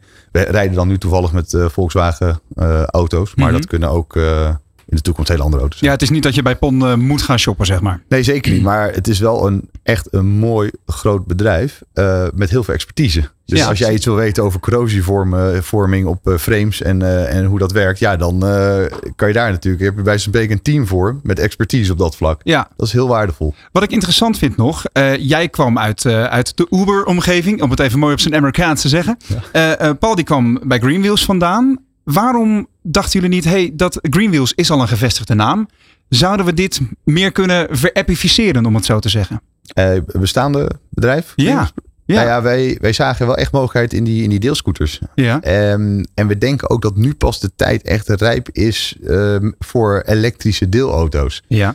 Dus ja. En eh, Greenwheels was niet geschikt om daar eh, zeg maar, een, een deelscooter tak aan te hangen. Nou ja, dat hadden ze ook kunnen doen. Ja. Alleen, eh, ja, dat is, er, dat is er niet gekomen. En wij benaderen ons bedrijf echt vanuit een tech- en, en data perspectief. Terwijl eh, andere bedrijven, en Greenwheels, ja, ik weet het niet zeker, maar het is best wel een bestaand bedrijf. Het bestaat al best wel wat jaren. Ja. Ehm, en wij hebben dan de luxe dat we gewoon helemaal from scratch een bedrijf kunnen beginnen. Met de ervaring die een Paul van zijn verschillende bedrijven binnen PON haalt. En, en, en ik vanuit eh, de, de software Dus een, een nieuwe titel lanceren, zo gezegd. Een nieuw, nieuw bedrijf creëert Lean and Mean.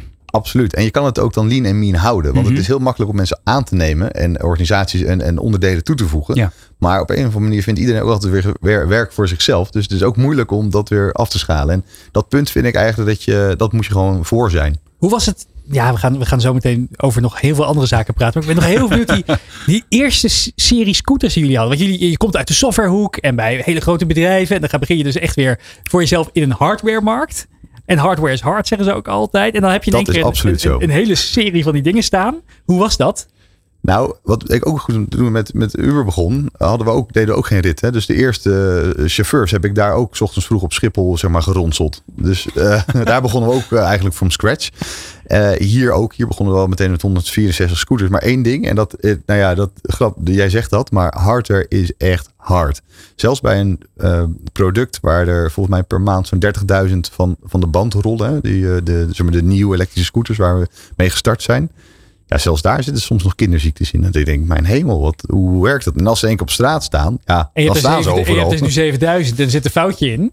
Correct. Nou, probeer maar eens inderdaad om een paar duizend scooters en eh, eh, een eh, rubbertje van het zadel bijvoorbeeld te vervangen. Dat zijn serieuze operaties en die wil je voor, voor zijn. En ja, dan maar iets minder flashy, maar wel werkend. Nog één vraag. Hoe worden die batterijen eigenlijk vervangen van die dingen? Nou, er rijden mensen rond, onze battery swappers, eh, ja, batterijwisselaars, die rijden rond in elektrische auto's. En die, eh, die rijden de auto's lang af. En je moet het zo zien dat een scooter kan ongeveer, afhankelijk van de snel, die- snelheid die die rijdt, 15 of 45, kan die ongeveer tussen de 10 en de 20 ritjes doen voordat die accu's verwisseld moeten worden. En dat gebeurt zeven dagen per week in Dus, alle steden. Battery swapper. En die checken hadden ook meteen de scooters of, eh, of de remmen goed zijn of schoon zijn of de helm in zit, et cetera. Een battery swapper. Ik eh, denk niet dat we in eh, het, jaar, eh, 20, eh, t- t- het jaar 2000 hadden kunnen voorzien. Dat dat een dat, term eh, was. dat, ja. dat dat een carrièrepad zou kunnen zijn. Maar de battery swapper, we schrijven hem op. Zometeen praten we verder over alles wat de check bezighoudt. Maar we gaan eerst naar de webwinkel vakdagen. Dit is De Ondernemer live op Nieuw Business Radio. Hoe digitaliseer je een eeuwenoud proces van fysieke kaartjes sturen? En hoe houd je grootmachten als Hallmark en Greets op afstand? Nou, Kaartje to Go doet het al 16 jaar met heel veel succes. En medeoprichter Klaas Korte die deelt zijn kennis tijdens de webwinkel vakdagen op 29 en 30 maart in Utrecht. Maar geeft hier vandaag al een voorproefje. Klaas, welkom in de studio. Hartelijk dank. Leuk dat je er bent. Ja, even Kaartje to Go voor wie het niet kent. Hoe, hoe vertel jij het aan mensen op feesten en partijen?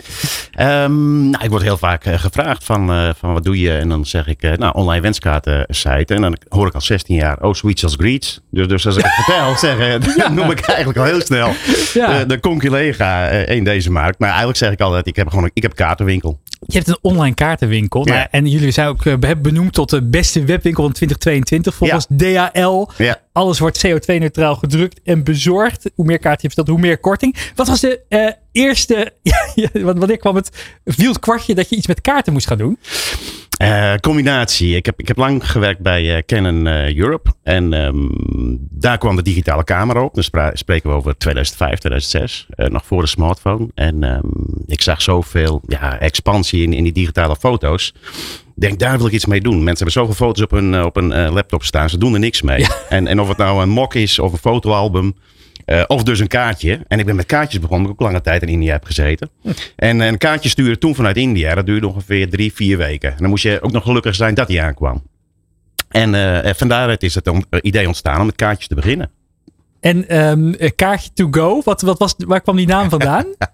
Oh, dat was ook eh, snel een kaartje maken. Dus natuurlijk is het eh, ook, ook geïnspireerd op de AH to go die, die net, net begonnen was. Oh ja. Maar ehm, eh, eh, gewoon snel een kaartje maken. En dus ook vanuit India. Je maakt het vanuit India. Het wordt hier gedrukt en verzonden. Dus morgen ligt het gewoon op de, op de, op de stoep. Ja, en jullie spreken, hè, jullie verhaal wordt verteld op de webwinkel vakdagen. Ja, jouw, eh, J- Janko Kleinstra, die gaat, het, die, gaat daar het, die gaat daar het woord doen. Ja. Wat, wat gaan jullie daar vertellen? Oeh, spannend. Heb ik nog niet afgestemd met Janko. Hij, hij is ermee bezig. Dus, Hij is eh, er druk mee bezig. ja, ja, ja, ja, Slapeloze ja. nachten. Ja, ja dus, eh, dus eh, kan ik weinig over zeggen, want ik weet het niet. Hoe, ehm, hoe gaat die groei voor jullie markt? Hoe, hoe groot is die markt voor kaartjes eigenlijk in Nederland? Ehm, nou, eigenlijk vanaf het begin af aan hoorde ik al van ja, wat, wat doe jij in wenskaarten? Want iedereen stuurt een e-mail, hè? dus, dus eh, het gaat gewoon verdwijnen. Toen kwam natuurlijk Facebook, dan zei iedereen van iedereen stuurt een, een eh, Facebook berichtje. Ja. En de markt die is eigenlijk nog steeds groeiende, denk ik. Er is wel moeilijk eh, data over te krijgen omdat het zo verspreid is. Eh, Hema doet het erbij. Eh, er zijn natuurlijk pure players like, eh, zoals Greets en eh, Hallmark en wij. Eh, maar het is heel verspreid. Maar ik denk, ik denk nog steeds dat er een shift gaande is van offline naar online. Eh, dus die markt die blijft gewoon, nou ja, het blijft groeien, maar hij wordt wel steeds moeilijker. Nou, ik heb zelf het idee, hoe meer er online gebeurt, hoe meer waarde offline krijgt. Hoe zie jij dat, Marco? Nou, het is grappig. Ik vind het ontzettend leuk om naast je te staan. Want ik ben helemaal fan van dit soort producten. Het Ja. is, wat je zegt inderdaad.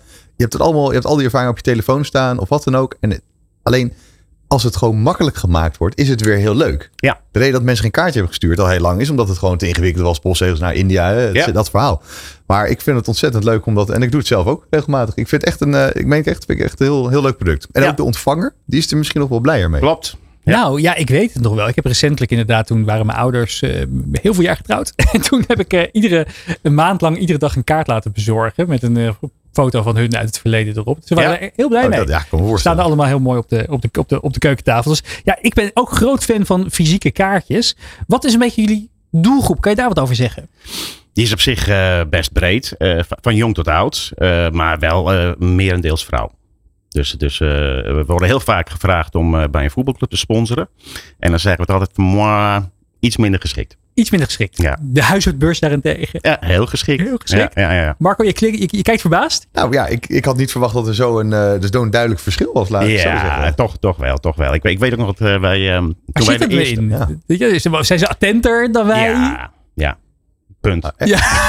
en ik ben ook wel heel benieuwd vanaf waar, want dat kan je natuurlijk ook, want je hebt natuurlijk wel die app. Dus vanaf waar worden de kaarten verstuurd? Ehm, hoe bedoel je dat? Nou, vanuit Nederland? Of, of Ja, vanuit, heel veel- vanuit heel veel vanuit tij- Tijdens de Nederland. reis al? Eh, ook, ook. Maar nee, nee, Nederland is gewoon eh eh 95% denk ik hoor. Dus, dus vakantiekaart is in die zin ook niet zo groot. Ehm, Dus er zijn meer herinneringen die je samen hebt, foto gemaakt hebt en die je dan nastuurt. Ja, maar geboortekaartjes is, is heel groot. Trouwkaart is heel groot. Eh, uitnodigingen, dus vanaf 25 jaar getrouwd, 50 jaar getrouwd, nou noem het maar. Dus, dus ook, ook in die. En de kerstkaart nog steeds. Die, Ja. die neemt duidelijk af. Maar die, eh, die is ook nog steeds heel groot. Dus, eh, en daarnaast natuurlijk de verjaardagskaarten. Wanneer heb je zelf voor het laatst een kaart verstuurd? Ja, dat is, dat is een goede vraag. Toevallig vanuit Amerika.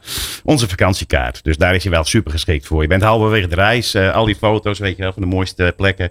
Die gooi je in een collagefoto en die gooi je per kaart. Adressenboekje heb je erin. Dus gewoon aanvinken wie, wie moet hem allemaal hebben. En dan, en dan komt het morgen aan. Dus dat, dat was de laatste. Dat heb ik zelf ook gedaan. Ja. Ontzettend, ontzettend leuk. Hey, je hebt het opgericht met je neef samen. Ja. Met Foppen. Ja. Wat, hoe is het om met je neef te ondernemen? Ja, super, super leuk. En ik denk, ik herken het ook van eh, wat Marco zei. Dat je gewoon met z'n tweeën, eh, ja, daar heb je zoveel baat bij. Als je elkaar goed aanvult. En, en eh, dat hebben wij ook gewoon van het begin af aan zoveel lol in gehad. En ik denk dat het de perfecte combinatie is. Dat het net niet eh, je beste vriend is. Maar ook gewoon dat je zoveel vertrouwen in elkaar hebt. Dat je alles elkaar gunt. En, eh, en heel makkelijk met elkaar eh, door één deur kunt. Dus eh, echt super leuk. Nou, ja, het, het, het ziet er altijd eens online heel makkelijk uit. Hè? Je ziet de site staan en heel veel kaarten hierop staan. Maar die moeten ook ergens liggen. Die moeten ergens vandaan komen. Iemand moet die dingen laten bedrukken, inpakken, verzenden, postzegels. Ja, You name it. ja. Kan je iets vertellen over het bedrijf wat erachter schuil gaat? Met hoeveel collega's, hoe groot is het, hoe groot is het warenhuis waar die kaartjes liggen? Ja, eh, hebben we niet. Eh, we, hebben, we hebben alleen een, eh, een heel groot magazijn met lege vellen papier. Dus er wordt gewoon helemaal niks, niks op voorraad. Ja? Moet ik zeggen, ja, dat, dat zou ik ook niet mee kunnen, kunnen werken. Dat maakt het echt heel moeilijk. Maar we hebben gewoon een magazijn met heel veel pallets, eh, verschillende soorten kwalitatief papier. En, en, en daarop worden vellen met kaarten gedrukt. En die worden gewoon, eh, of het nou één kaart is, of twintig of honderd. Die worden gedrukt. Dus je hebt alleen maar voorraad eh, ruw papier. En daarmee kun je gewoon alles doen. En, en, en elke dag komt de PostNL met de vrachtwagen langs om alles op te halen. En dan gaat de deur uit. En dat doen we ondertussen met, ja, met 100 collega's. Dus. En, dat is, en dan hebben we denk ik nog een schaal van 60 mensen extern eromheen. eh. En, en wat doen al die collega's dan? Goeie vraag.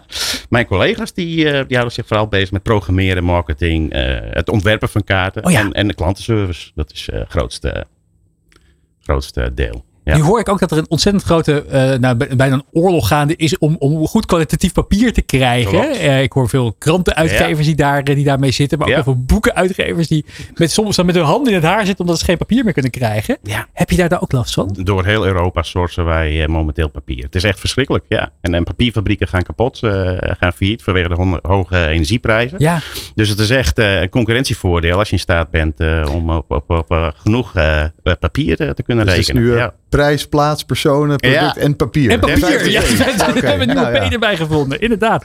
Ehm, heb je misschien nog een eh, goede tip aan andere ondernemers die ook inderdaad online ondernemen? Hè, want bij de Webwinkel Vakdagen gaat het over, over, over, over de retailkant, maar ook over alle kansen die online biedt. Ja, ja. Ja, daar zeg je, daar zeg je het eigenlijk al. Ik, ik, de, belangrijkste tip eh, is, is focus, focus, focus. Je, je, moet gewoon, je moet gewoon één ding goed doen in plaats van al die kansen willen benutten. Want, want en zeker als je nog niet zo groot bent, het, het kan gewoon niet. En Ja. dat, dat hebben wij ook met zoveel. We hebben zoveel verleidingen gehad. hè, In de tijd dat Huis, Huis nog voor Facebook, eh, de, de kaartjes, eh, die, die wilden graag een kaartjesapplicatie toevoegen aan hun platform. Ja, wil je dolgraag. Die denkt, jeetje, Huis, super groot, willen we doen. Enorme Ja, kans. Nee, nee, weet je wel, wij willen ons eigen concept gewoon vermarkten. En als wij IT-ontwikkelaar worden voor andere grote, eh, dan doe je iets heel anders. Maar het is, het is heel verleidelijk. Maar focus is volgens mij de belangrijkste eh, factor voor, voor een zeker beginnende ondernemer om, om digitaal eh, te kunnen beginnen. Dat lijkt me een ontzettend mooie kans. En jouw collega gaat op 29 en 30 maart in Utrecht voor hier, en hier nog veel meer over vertellen. Over hoe jullie die fantastische kaarten door heel Nederland en inmiddels ook ver daarbuiten eh, weten te krijgen. Ik vond het een heel erg mooi verhaal. Dank je wel dat je dat wilde vertellen vandaag, eh, Klaas Korte. En ja, voor meer informatie over de webwinkel vakdagen, kijk op de website. Nou, dat vind je via Google. Dit is De Ondernemer live op Nieuw Business Radio. Ja, we praten verder met Marco Knietel van deelscooterbedrijf Check. Wat een waanzinnig verhaal. Gewoon even met, met Ja. al sinds 2006 inderdaad online kaarten. Dan denk je van, nou ja, hoeveel zullen dat er zijn? Eh, Heel erg Dat veel. er- volgens mij zouden wij schrikken van dat, eh, van dat warehouse met dat papier. En wat er vooral aan de vrachtwagens uitgaat. Ja, we hadden het net al even al eerder in de uitzending over. hè. Ik wens mijn vijand veel personeel toe. Ja. Maar dat, met, met 100 meter, het, zal ongetwijfeld nodig zijn om, eh, om inderdaad hè, die hele markt te kunnen groot. bedienen. Het klinkt als veel mensen. Ja, ontzettend. Hoe, hoeveel zijn jullie met, bij Check? Nou ja, we hebben de- 32 man op het hoofdkantoor zitten. En daarnaast hebben we dus een hele grote schil met mensen voor de, dus die battery swappers. Ja, En we hebben ook nog fixers. Dat zijn de mensen die op locatie ook scooters, hè, kleine reparaties uitvoeren. ja. Ehm, Dat, ja. dat zijn dan freelancers, Nee, allemaal op de eigen, allemaal op de eigen Oh, payroll. Eh, ik denk dat die groep nu een eh, mannetje of 400, 500 is. Maar sommigen werken dus eh, nou ja, eh, weken niet en sommigen werken fulltime. Ja. Dat verschilt enorm. Grappig. Wat is de reden dat je eh, ervoor hebt gekozen om dat dan toch op de eigen payroll te hebben? Een stukje eh, ehm, goed werkgeverschap? Ja, goed werkgeverschap. En eh, er wordt ook toch wel. Ja, eh, het is een hele grote groep mensen. Maar als je die allemaal als freelancer hebben, dat brengt ook allerlei uitdagingen met zich mee. Dus Ja, ja, dat. je wil ook een beetje een relatie hebben misschien met de mensen die Ja, voor je merk een stukje veiligheid werken. ook. ze werken toch wel met, een, met scooters en, en, en dat soort dingen. Het moet allemaal gewoon goed werken. Ja, Dus we vinden het ook wel belangrijk om echt gewoon duidelijk te kunnen zijn in wat er verwacht wordt. En, dat, ja, en dan is, is deze constructie prima. En dat bevalt, eh, bevalt de medewerkers goed. eh, en bevalt ons ook goed. veiligheid. Dat doet me denken aan een artikel die ik ergens een paar maanden geleden heb gelezen in, ik denk, het Financiële Dagblad. En dat ging over alcoholgebruik bij scooter, bij deelscooterrijders. Ja. Ik, ik, ben- ik ben de strekking, eh goede voorbereiding dit. De, strekking ontschiet mij eventjes. Maar volgens mij was het inderdaad dat, dat eh, eh, of ging de vraag of deelmobiliteitsbedrijven voldoende deden om inderdaad mensen te ontmoedigen Ja. om met alcohol op zijn scooter te gaan zitten. Was dat, klopt dat? Nou ja, ik, volgens mij is er meer de media geweest. Maar inderdaad, volgens mij was dat de, de, de strekking van oké, hoe gaan deelscooterbedrijven daarmee om? Ik denk dat het ook een feit is dat, natuurlijk, dat, we, dat er steeds meer ritten op deelscooters plaatsvinden. Ja, Want daarvoor, de maand daarvoor was nog duidelijk in het nieuws dat het aantal overtredingen in het verkeer met alcohol, gewoon in het normale verkeer, de eigen auto, dat dat enorm is toegenomen. En daar wordt er ook weer gepleit voor meer alcoholcontroles. En daar Ja. zijn wij ook alleen maar groot voorstander van. En daarnaast zullen wij ook in onze app weer hè, dingen, dingen toevoegen eh, in overleg met, eh, om te kijken hoe we dat verder naar beneden kunnen Ja. brengen. Maar het is denk ik niet een, eh, ja, het is geen deelvervoer issue. Het gebeurt in de normale auto, normale scooter ook. En ik denk dat we daar dat probleem wel echt goed moeten aanpakken als maatschappij zijnde. Volgens mij was het argument wat werd gegeven, dan zit ik heel diep te graven, dat inderdaad eh, dan een, stu- een- een student op een, na een stapavondje denkt van oh, ik moet naar huis lopen of de, of de Uber nemen of de, of de, eh, Ja. of, of de, of de, Nou, de Uber nemen is dan sowieso een goed plan. is een goed nog steeds groot voorstander van Uber. Maar dat ze dan denken, oh hé, er staat zo'n scootertje, ik, eh, ik, roet, ik, ik cross even op los. Maar dat wil je natuurlijk voorkomen. Dat wil je gewoon voorkomen. Dat En- is gewoon niet, niet goed. Niet oké. Volgens mij waren de, die conculega's van Felix, die hebben een soort puzzeltje in de app gedaan, meen ik. Ja. Na een bepaald tijdstip moet je een puzzeltje doen om... Ja, wij werken met, eh, met meldingen die eh, zeg maar, eh, tijdsgebonden en plaatsgebonden zijn. Ja? Dus inderdaad in het weekend na een bepaald tijdstip. Dan krijg je in de app dus ook een speciale melding daarover. als een soort van reminder. Ja, jij kan het op heel veel manieren op, aanpakken. Alleen ik denk dat het ook goed is dat je dat, dat, je dat ja, industrie breed en eigenlijk maatschappelijk breed gewoon aanpakt. Want ja, ik, dat, dat moet gewoon niet gebeuren.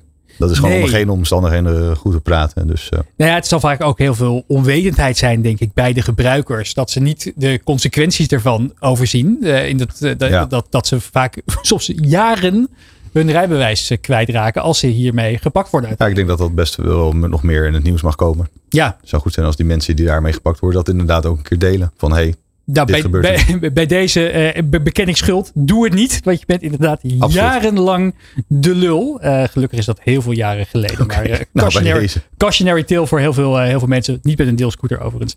Ehm, terug naar check. Wat, ehm, wat je zegt al even. We zijn ook een beetje aan het testen geweest in eh Düsseldorf met deelstepjes. Klopt. Wat zijn de lessen die je daarbij hebt gehaald? Nou, wat je daar ziet, kijk, oh, dat is wel grappig. Dat Düsseldorf is een, eh, nou, uiteraard een bekende stad. Maar er worden in Düsseldorf ongeveer op weekbasis 120.000 ritjes op eh deelsteps gemaakt. Dat is net zoveel als in Nederland eh, met al onze scooters ongeveer bij elkaar per Ja. week. Dus die markt is er. Die mensen vervoeren zich. Dat, dat is een feit. Feit is ook dat daar eh, vier, vijf internationale concurrenten zijn. Als je kijkt naar het marktaandeel wat wij daar nu in hebben, is dat heel goed eigenlijk. We hebben daar ongeveer ons deel van de markt. Dus we, nou ja, we, groeien daar eigenlijk steeds. We zijn uiteraard als laatste daar begonnen. Ehm, dus we leren daar wel heel veel van. Ehm, de deelsteps gaan ook echt een stuk langer mee dan soms nog wel is in de, in de media verschijnt. Dus echt geen drie maanden, dan heb je het echt over drie, vier jaar. Dus ook vanuit een duurzaamheidsperspectief is dat echt wel een, eh, is dat gewoon een volwassen product geworden. Ehm, en daar zijn we nu naar aan het kijken van eh, of, dat, of dat inderdaad eh, rendabel is. Ik vind het zelf altijd, als ik in het buitenland ben, tenminste een heel leuk vervoersmiddel ook om een beetje een Ja. stad mee te verkennen. Omdat je, eh, je Makkelijk op en afstapt en je, Ja. je zet hem overal neer. Precies. Maar dat, staat niet zelf de weg inderdaad. Het is, het is makkelijk in gebruik. Scooter is toch een beetje, beetje, Ja. beetje, beetje, beetje zwaar. Wat, ehm, wat zou er voor nodig zijn om dit in Nederland te laten werken? Nou, ik denk dat het echt zou werken is als er dus eh, zeg maar eh, ja, zo'n parkeerhubs voor deelsteps zouden zijn. Ik denk dat dat Ja. eigenlijk de enige manier is om dat goed te laten werken. Dat op heel veel plekken dan heb je dus wel over, ik noem wat, 5, 6, 7 of 2000 plekken zeg maar Ja. in Amsterdam. Dat je die op een bepaalde plek kwijt kan. Maar wat je niet wil is dat ze overal ja, op straat liggen. Ze vallen natuurlijk relatief makkelijk om. Dat is natuurlijk vroeger wat, de- wat, wat inderdaad het beeld was van veel binnensteden. Dat kriskras overal zag je die dingen staan, veel vaker ook nog liggen. Ik was re- recent in Parijs en daar heb je nu inderdaad heel veel. Je moet, die dingen op hele specifieke plekken Ja, neerzetten. precies. Anders kan je die Ja. app niet afsluiten en kan je inderdaad je ritje niet Ja, eindigen. nou ja, en wat ook denk ik heel goed, eh, wat, wat prettig is, is dat dus dat, hè, waar we het over eerder over hadden, gratis geld, eh, dat bestaat niet meer. Ja, Dus de operators gaan nu ook veel kritischer kijken in plaats van eh, zeg maar eh, spray and pray. Ik, gooi ze gewoon overal neer en ik kijk daarna wel of ze gaan kijken rijden. wel of ze Die tijden zijn voorbij en dat is heel positief, want dan voorkom je dus ook die situaties zoals in, eh, in Parijs. Ja, ja, dat lijkt me mooi. Denk je dat het haalbaar is in Amsterdam? Je, je hoort daar ook kritische verhalen over. Van mensen die zeggen nee, Amsterdam is veel te vol en te druk. En daar moet het allemaal niet kwijt kunnen. Eh, daar gaat het niet werken. Denk je dat, dat er ruimte is in een stad als Amsterdam voor deelstepjes? Nou, fysiek is de ruimte er altijd, mits je die goed inricht. De vraag is, is dat nou echt wat we nodig hebben? En dan zeg ik, ik denk dat de combinatie van deel scooter met deel auto, voor de auto voor buiten de stad, de scooter binnen de stad, dat dat een betere oplossing is. Diverse aanbieders hebben natuurlijk ook gekozen om deelfietsen aan te bieden. Ja, oh leuk. Wat is daar, wat dat doe je Ja. niet. Dat, dat, dat, Nou, dat lijkt me ook een hele logische bij. Ja, heel logisch. En heel veel mensen vragen dat ook. Maar het is goed om te weten. En eh, niet zoveel mensen weten zeg maar, de cijfers achter de deelfietsen. Maar een deelfiets is duurder in de aanschaf. Dus voor een bedrijf hogere capex. Oké, Ehm, de deelfiets. duurder in de aanschaf. Ja, dan een scooter. Sorry, dan een deelscooter. Ja. De, de, de kosten, de onderhoudskosten zijn hoger. Omdat je eigenlijk alle componenten hebt van een deelscooter. Plus nog meer bewegende onderdelen. Die ook nog eens lichter en dunner en eh, zwakker zijn geproduceerd. Dus je hebt veel eerder problemen met wielen, remmen, et cetera. Ja? Ehm, en daarnaast heb je ook nog de prijsperceptie van de klant. Die verwacht dat een step, of een, eh, sorry, een fiets, Fiets. een deelfiets, ongeveer een derde moet kosten van een eh deel scooter. Terwijl de scooter is goedkoper in aanschaf, goedkoper in de onderhoud. En de batterijen die erin zitten zijn veel groter. Dus je hoeft ook minder vaak te swappen. En er zijn minder bewegende onderdelen. Dus het is heel moeilijk om een deelfiets rendabel eh, te, ja, eh, als, als operator deel. In ieder geval in Nederland is dat heel moeilijk om dat winstgevend eh, en rendabel te doen. Ehm, en dat is ook een van de dingen die wij in onze app hebben gebouwd. We hebben een functie gebouwd waarbij we vragen kunnen instellen. Dus na de rit kan je een vraag stellen.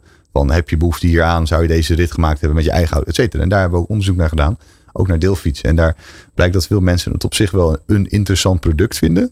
Maar het is bijna niet rond te rekenen. Niet in Nederland. Nou, hier heb je je antwoord. Sander Schimmelpenning.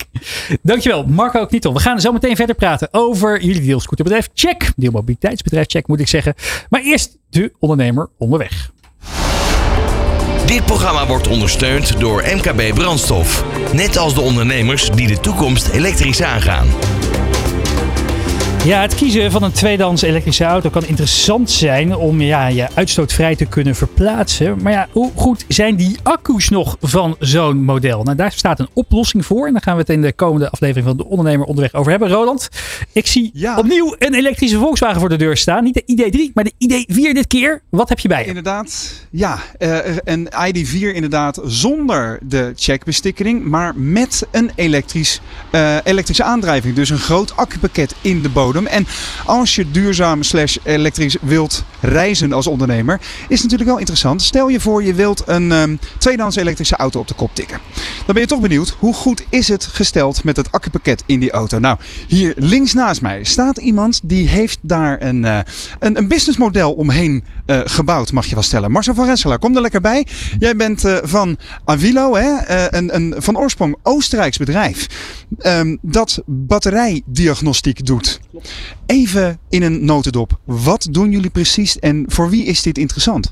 Nou, het is interessant voor degene die zowel de auto koopt als de auto verkoopt. En wat we dan doen is dat we daadwerkelijk meten wat de conditie is van het accupakket. Dus hoeveel energie kun je eigenlijk nog in het accupakket opslaan? Ja. Dat is de vraag die we eigenlijk daarmee beantwoorden. En dat wil je natuurlijk weten, omdat stel jij, eh, jij koopt een auto van eh, drie, drie jaar oud bijvoorbeeld. Er zit natuurlijk vanwege alle laadbeurten die die auto achter de rug heeft gehad, is die accu-capaciteit een klein beetje achteruit gegaan. En dat verschilt dus wel per auto, hè, begrijp ik. Nou, het verschilt met name hoe de auto gebruikt is. Is er veel snel geladen? Zijn er veel cycli gereden überhaupt? Met een hybride auto misschien? Ehm, eh, is er veel ja, snel laden? Is, is die, en hoe vaak wordt die helemaal opgeladen en ontladen? Dat zijn wel criteria die daar wel invloed op hebben, zeker wel. Ja. En jij hebt nu een, een doos onder je arm eh, met jullie logo erop. En wat zit daarin? Daar zit een batterijtest in. Kun je het even laten zien? Pak, eh, we doen even een, een live unboxing in dit, in dit item. Je schuift op dit moment de doos open inderdaad. En daar zit een klein zwarte module in. Wat, praat me even bij. Wat heb je nu in je handen? Nou, dat is onze Avilo-box, zoals die wordt genoemd. Dat is de module die je aansluit op de auto. Gewoon op de OBD-stekker in de auto. En eh, er zit een simkaartje in. Dus je hebt meteen verbinding eigenlijk met de, met de cloud. Zodat we de gegevens eh, die live direct kunnen analyseren. Ja. En we daarmee dus de, de accuconditie kunnen bepalen van de auto. En wat meet dit apparaatje dan als je hem inderdaad in de, ja, laten we zeggen, de dashboardstekker van je Volkswagen ID4 steekt? Hij meet alle gegevens die betrekking hebben op de accu. Eh, dat kan zijn temperatuur, eh, voltage, amperage, alles wat daar invloed op heeft. Ook de snelheid van de auto. eh, al dat soort zaken neemt hij allemaal mee. Alles wat betrekking heeft daarop weegt hij mee. Ja. En nou zou je dit dus. ehm, eh, oh, oh, ja, laat ik het zo zeggen. Even terug naar de basis nog. Stel, ik, eh, ik, ben, ik ben ZZP'er en ik eh, ben in de markt ehm, om deze Volkswagen ID4 bij een dealer eh, te bestellen of te kopen. Maar ik wil wel weten hoe het met de, de accucellen in deze Volkswagen is gesteld. Hoe gaat het dan in zijn werk? Ik bestel dit, dit elementje bij jullie? Ja, nou dat kan. Je kunt hem rechtstreeks bij ons bestellen op de website avila.com. Maar je kunt hem bijvoorbeeld ook gewoon via de ANWB kun je hem krijgen. Ja. Bij de ANWB accutest bestellen. Krijg je hem ook gewoon, eh, gewoon zo mee in de auto. Ja, wat kost me dat dan? 99 euro. En oké, dat, is een- dat is een redelijke investering. Oh, je, je, er gaat nog een vingertje omhoog? Inclusief de BTW voor de ondernemer. dus X83. Ja, precies. Je kan nog wat afschrijven. Dat scheelt weer. Ehm, en, en, en, nou wil het toeval, het is geen toeval natuurlijk, maar dat jij hier bij deze Volkswagen ehm, al een accutest gedaan hebt, hè, even snel, eh, in aanloop naar dit item. Eh, wat is er naar boven gekomen? Nou, het is natuurlijk een hele nieuwe auto. En gelukkig is die goed. Eh, dus we hebben een rapportcijfer gegeven. En van de 10 krijgt hij een 9,8. Oké. En wat betekent dat in normale mensentaal? Ja, met een gerust hart is deze auto is goed. Die kun je gerust eh, aankopen. Eh, je kunt daar nog heel veel lekkere kilometers mee rijden, denk ik. Ja. Is wel de verwachting. Ja, en, maar ik kan me ook voorstellen dat je in, in alle testen die jullie tot nu toe gedaan hebben ook wel eens andere resultaten eruit krijgt. Kun je eens een, een praktijkvoorbeeld geven van wat je dan tegenkomt na zo'n test? Nou, we komen alles tegen. Van eh, echt heel veel ook goede auto's. Ook auto's eh, waar bijvoorbeeld een celstuk van is. Laden laatst een bijna nieuwe auto waar een celstuk van was. Dus dat komen we tegen. Maar we komen ook auto's tegen die echt wel wat ouder zijn. En waar de accu eh, eigenlijk gewoon eigenlijk gewoon versleten van is. Ja, ja. Ja, die zien we echt terug. En ehm, wat voor informatie, ja, die informatie is duidelijk natuurlijk, maar wat zou ik daarmee moeten als, als uh, potentiële koper van zo'n auto? Nou, ik denk als je met name een auto koopt waar de accu niet goed van is, dat daar de prijs heel erg afhankelijk van moet zijn.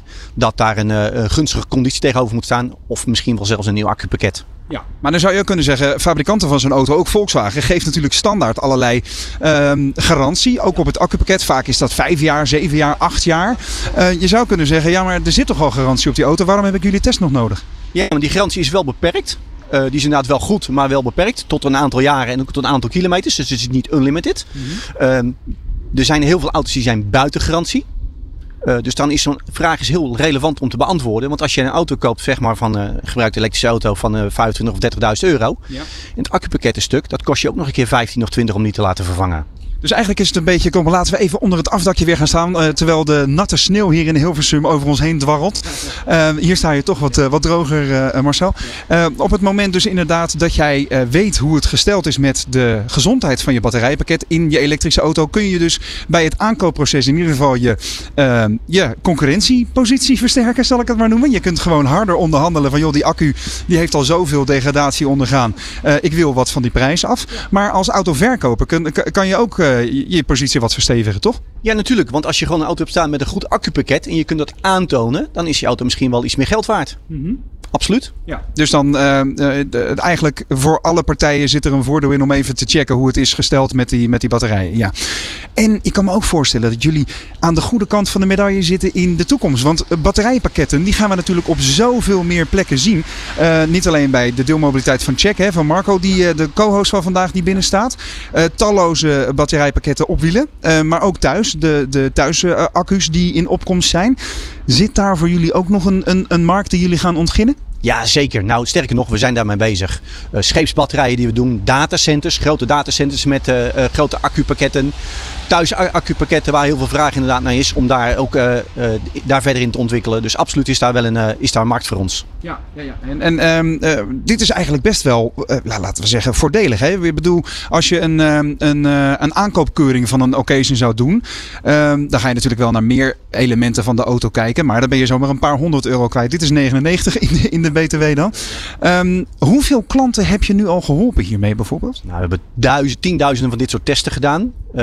Over heel Europa. Dus echt, we hebben heel veel mensen en heel veel vragen daarmee beantwoord. Ook heel veel problemen opgespoord en opgelost. Mm -hmm. En uh, hoe los je dat dan op? Dan ga je naar de fabrikant?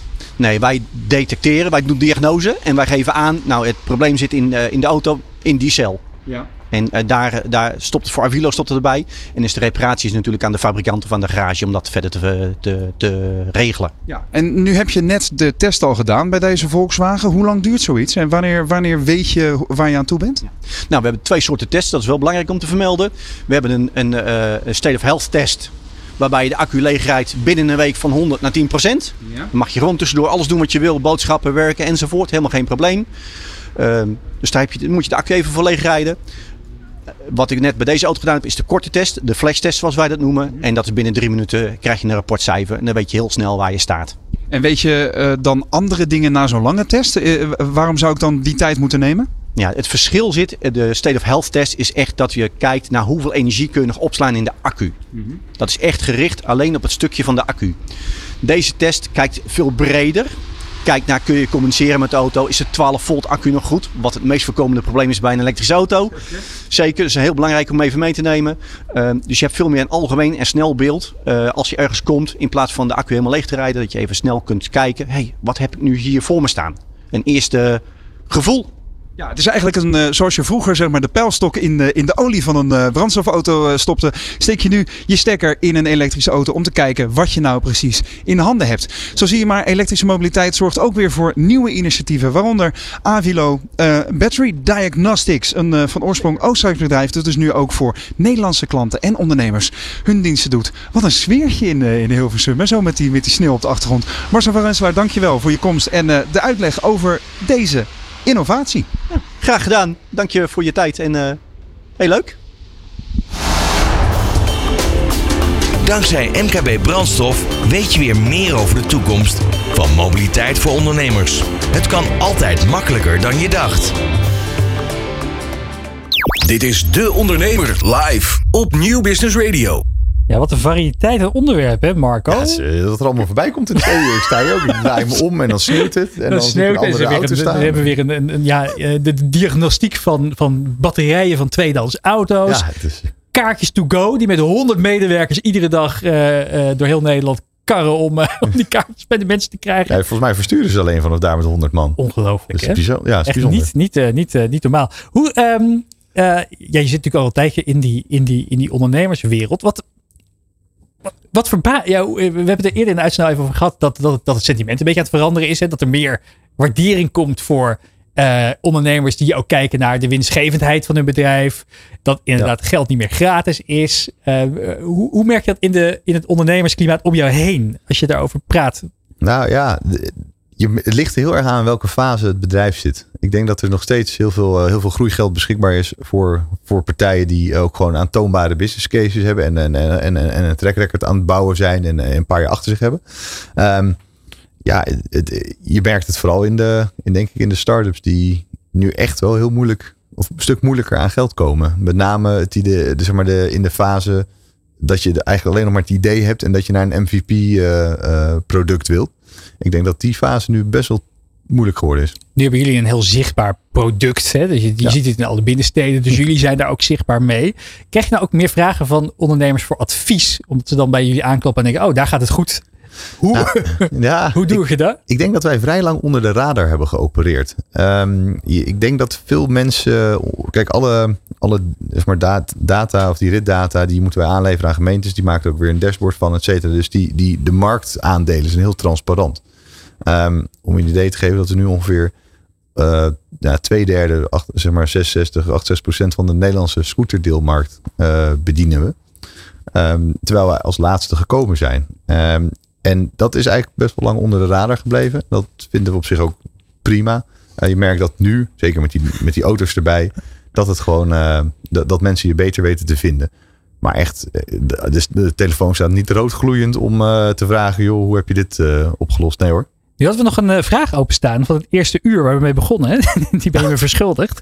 Je zei enerzijds dat je eigenlijk nooit wakker ligt van dingen. Dus je, voorbij ben je een hele relaxte ondernemer. Klopt. Weinig zorgen, dat is fijn. Maar eh, tegelijkertijd zijn natuurlijk heel veel eh, maatschappelijke problemen waar we mee te maken hebben. Van energiecrisis tot talenttekorten. Nou, we kunnen een uur over, over doorpraten. Dat, gaan we niet doen, want daar worden we veel te pessimistisch van. Maar we vroegen wel, wat zou jij nou veranderen als je morgen in het torentje zat? Ja, wat, nou, ik heb daar natuurlijk wel een beetje over nagedacht. Ik, Ja. ik was, je bent zo scherp dat eh, die vraag komt nog een keer terug. Ehm, nou, wat ik, wat ik, eh, ja, maar dat is, dat is echt heel off-topic eigenlijk. Maar eh, ik zou eh, de, de, de schenkbelastingen en dat soort zaken. ik vind dat er te veel. Ik, ik ben, laat ik zo zeggen, lange termijn ik vrezen voor polarisatie en inkomensongelijkheid.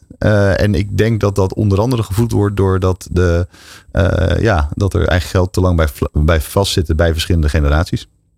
Dus die, an- die had je misschien niet aan zien komen. Het ging niet over verbreding Hmm. Nee, van wegen of fietspaden. Maar nee, dan, als ik dan in dat torentje zit, dan zou dat onderwerp eh, een uh, gelijk, worden, gelijk worden af. Maar eh, dan, dan ga ik toch nog wel eventjes terug ook naar waar we het deze uren wel over hebben. Want dat is enerzijds natuurlijk een heel mooi streven om die inkomensgelijkheid eh, eh, te verbeteren in Nederland. Maar als we inzoomen op, het, eh, op jouw vakgebied, het, het thema mobiliteit en ook de, eh, de bereikbaarheid van Nederland, wat toch wel een behoorlijk issue is, zeker in de binnensteden waar jullie actief zijn. Wat zou er dan voor doorbraak moeten worden geforceerd?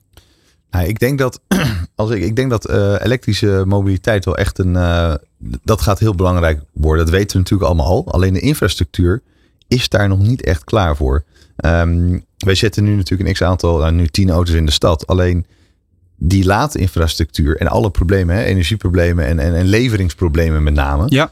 Ik denk dat daar, ehm, ik denk dat daar gewoon vaker sneller knoop moet doorgehakt worden om die capaciteit, eh, zeg maar, om par te brengen met het groeipotentieel van elektrische voertuigen. En heb je het dan specifiek over de laadpunten, dus de laadpaaldichtheid van, van eh, jullie werkgebied, of ook over het achterliggende energienet?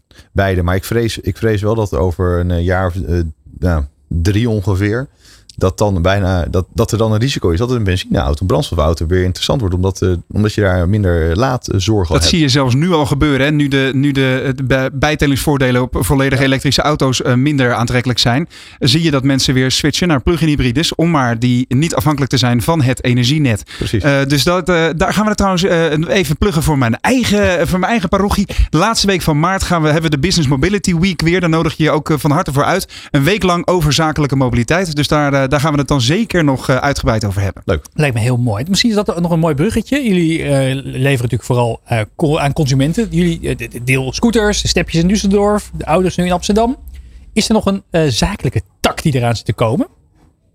Nou, dat is ook een beetje een learning van, eh, van Uber. Dat, eh, er wordt heel vaak over zakelijke tak gesproken en hè, de B2B kant. Ja. Maar die is heel moeilijk te, te, te serven. Want die vragen dan weer om accountmanagers, speciale facturatiestromen, et cetera. Ehm, dus ik denk dat de consumentenmarkt nog heel groot is. Maar wat we wel doen is het integreren. Dus eh, via Maas-partijen, dat is eh, Mobility as a Service. Nou, er zijn er heel veel van. Er Ja? wordt ook heel veel over gesproken. Ehm, eh, en nou ja, we, we, bieden dus eigenlijk een stekker aan, een API, waarbij je ons product kan gebruiken en die je dat kan integreren in je eigen platform. Eh, en we zijn met een pak een beet zes, zeven grote platformen geïntegreerd. Maar wat een stuk beter werkt, is bijvoorbeeld de NS Business Card. Nou, die hebben heel veel mensen. En die kan je gewoon toevoegen in onze app als betaalmethode. Dus je hoeft helemaal geen eh, Ideal of, eh, of, of creditcard. Je kan gewoon op je NS Business Card kan je ook check gebruiken. Dus dat soort integraties, daar zie ik zelf de- meer. Ja, die, dat werkt de- een stuk beter. Daar zit de echte crux. We gaan door naar de Data Dinsdag. Want iedere dinsdag geeft datafluisteraar Job van den Berg praktische tips om slimmer te ondernemen met data in de Data Dinsdag. En vandaag is hij het thema van deze uitzending gedogen, gedoken in het onderwerp deelplatformen. En Job zit normaal gesproken hier in de studio, maar belt nu in vanuit het altijd mooie Limburg. Yes, locatiedata zijn het motorblok voor deelplatformen. Weten waar op welk moment een scooter, step, fiets of auto beschikbaar is, is mogelijk door de inzet van GPS-data die openbaar toegankelijk zijn. Dat gegeven werd door reclamebureau Woenderman Thompson als vertrekpunt gebruikt voor een openingscampagne van een nieuwe winkel in Parijs. Stel, je opent een nieuwe winkel in een grote stad. Je wil een vliegende start. Niemand kent je nog, maar je moet op een of andere manier ervoor zorgen dat mensen je winkel in gaan komen. Ze moeten je leren kennen, want anders maakt onbekend onbemind. Dit was de uitdaging waar het reclamebureau voor stond. Hoe krijgen we zoveel mogelijk mensen naar de grote opening van de nieuwe winkel? En hoe zorg je ervoor dat deze winkel vliegende start krijgt? Ik zei al even, deelplatformen leven op locatiedata. Gebruikers weten waar een step of scooter is dankzij de GPS-coördinaten en de weergave van beschikbare voertuigen in de app. Gebruikers komen naar plekken toe waar beschikbare deelvoertuigen staan. Dat bracht de reclamemakers op het volgende idee.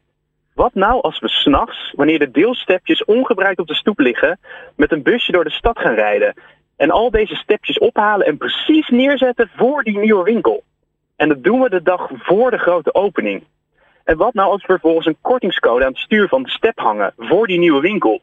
Kunnen we daarmee extra klanten de winkel in krijgen en verkopen realiseren? Zo gezegd, zo gedaan. Wel 100 deelstepjes werden in een straal van een aantal meter voor de winkel gelegd met een kortingsfoutje aan het stuur. De ochtend brak aan, spitsuur. Mensen hadden weer een step nodig. Ze keken op hun app en snelden naar de locatie waar heel veel stepjes lagen. En troffen een step aan voor een winkel met ballonnen en een kortingscode aan het stuur voor die specifieke winkel.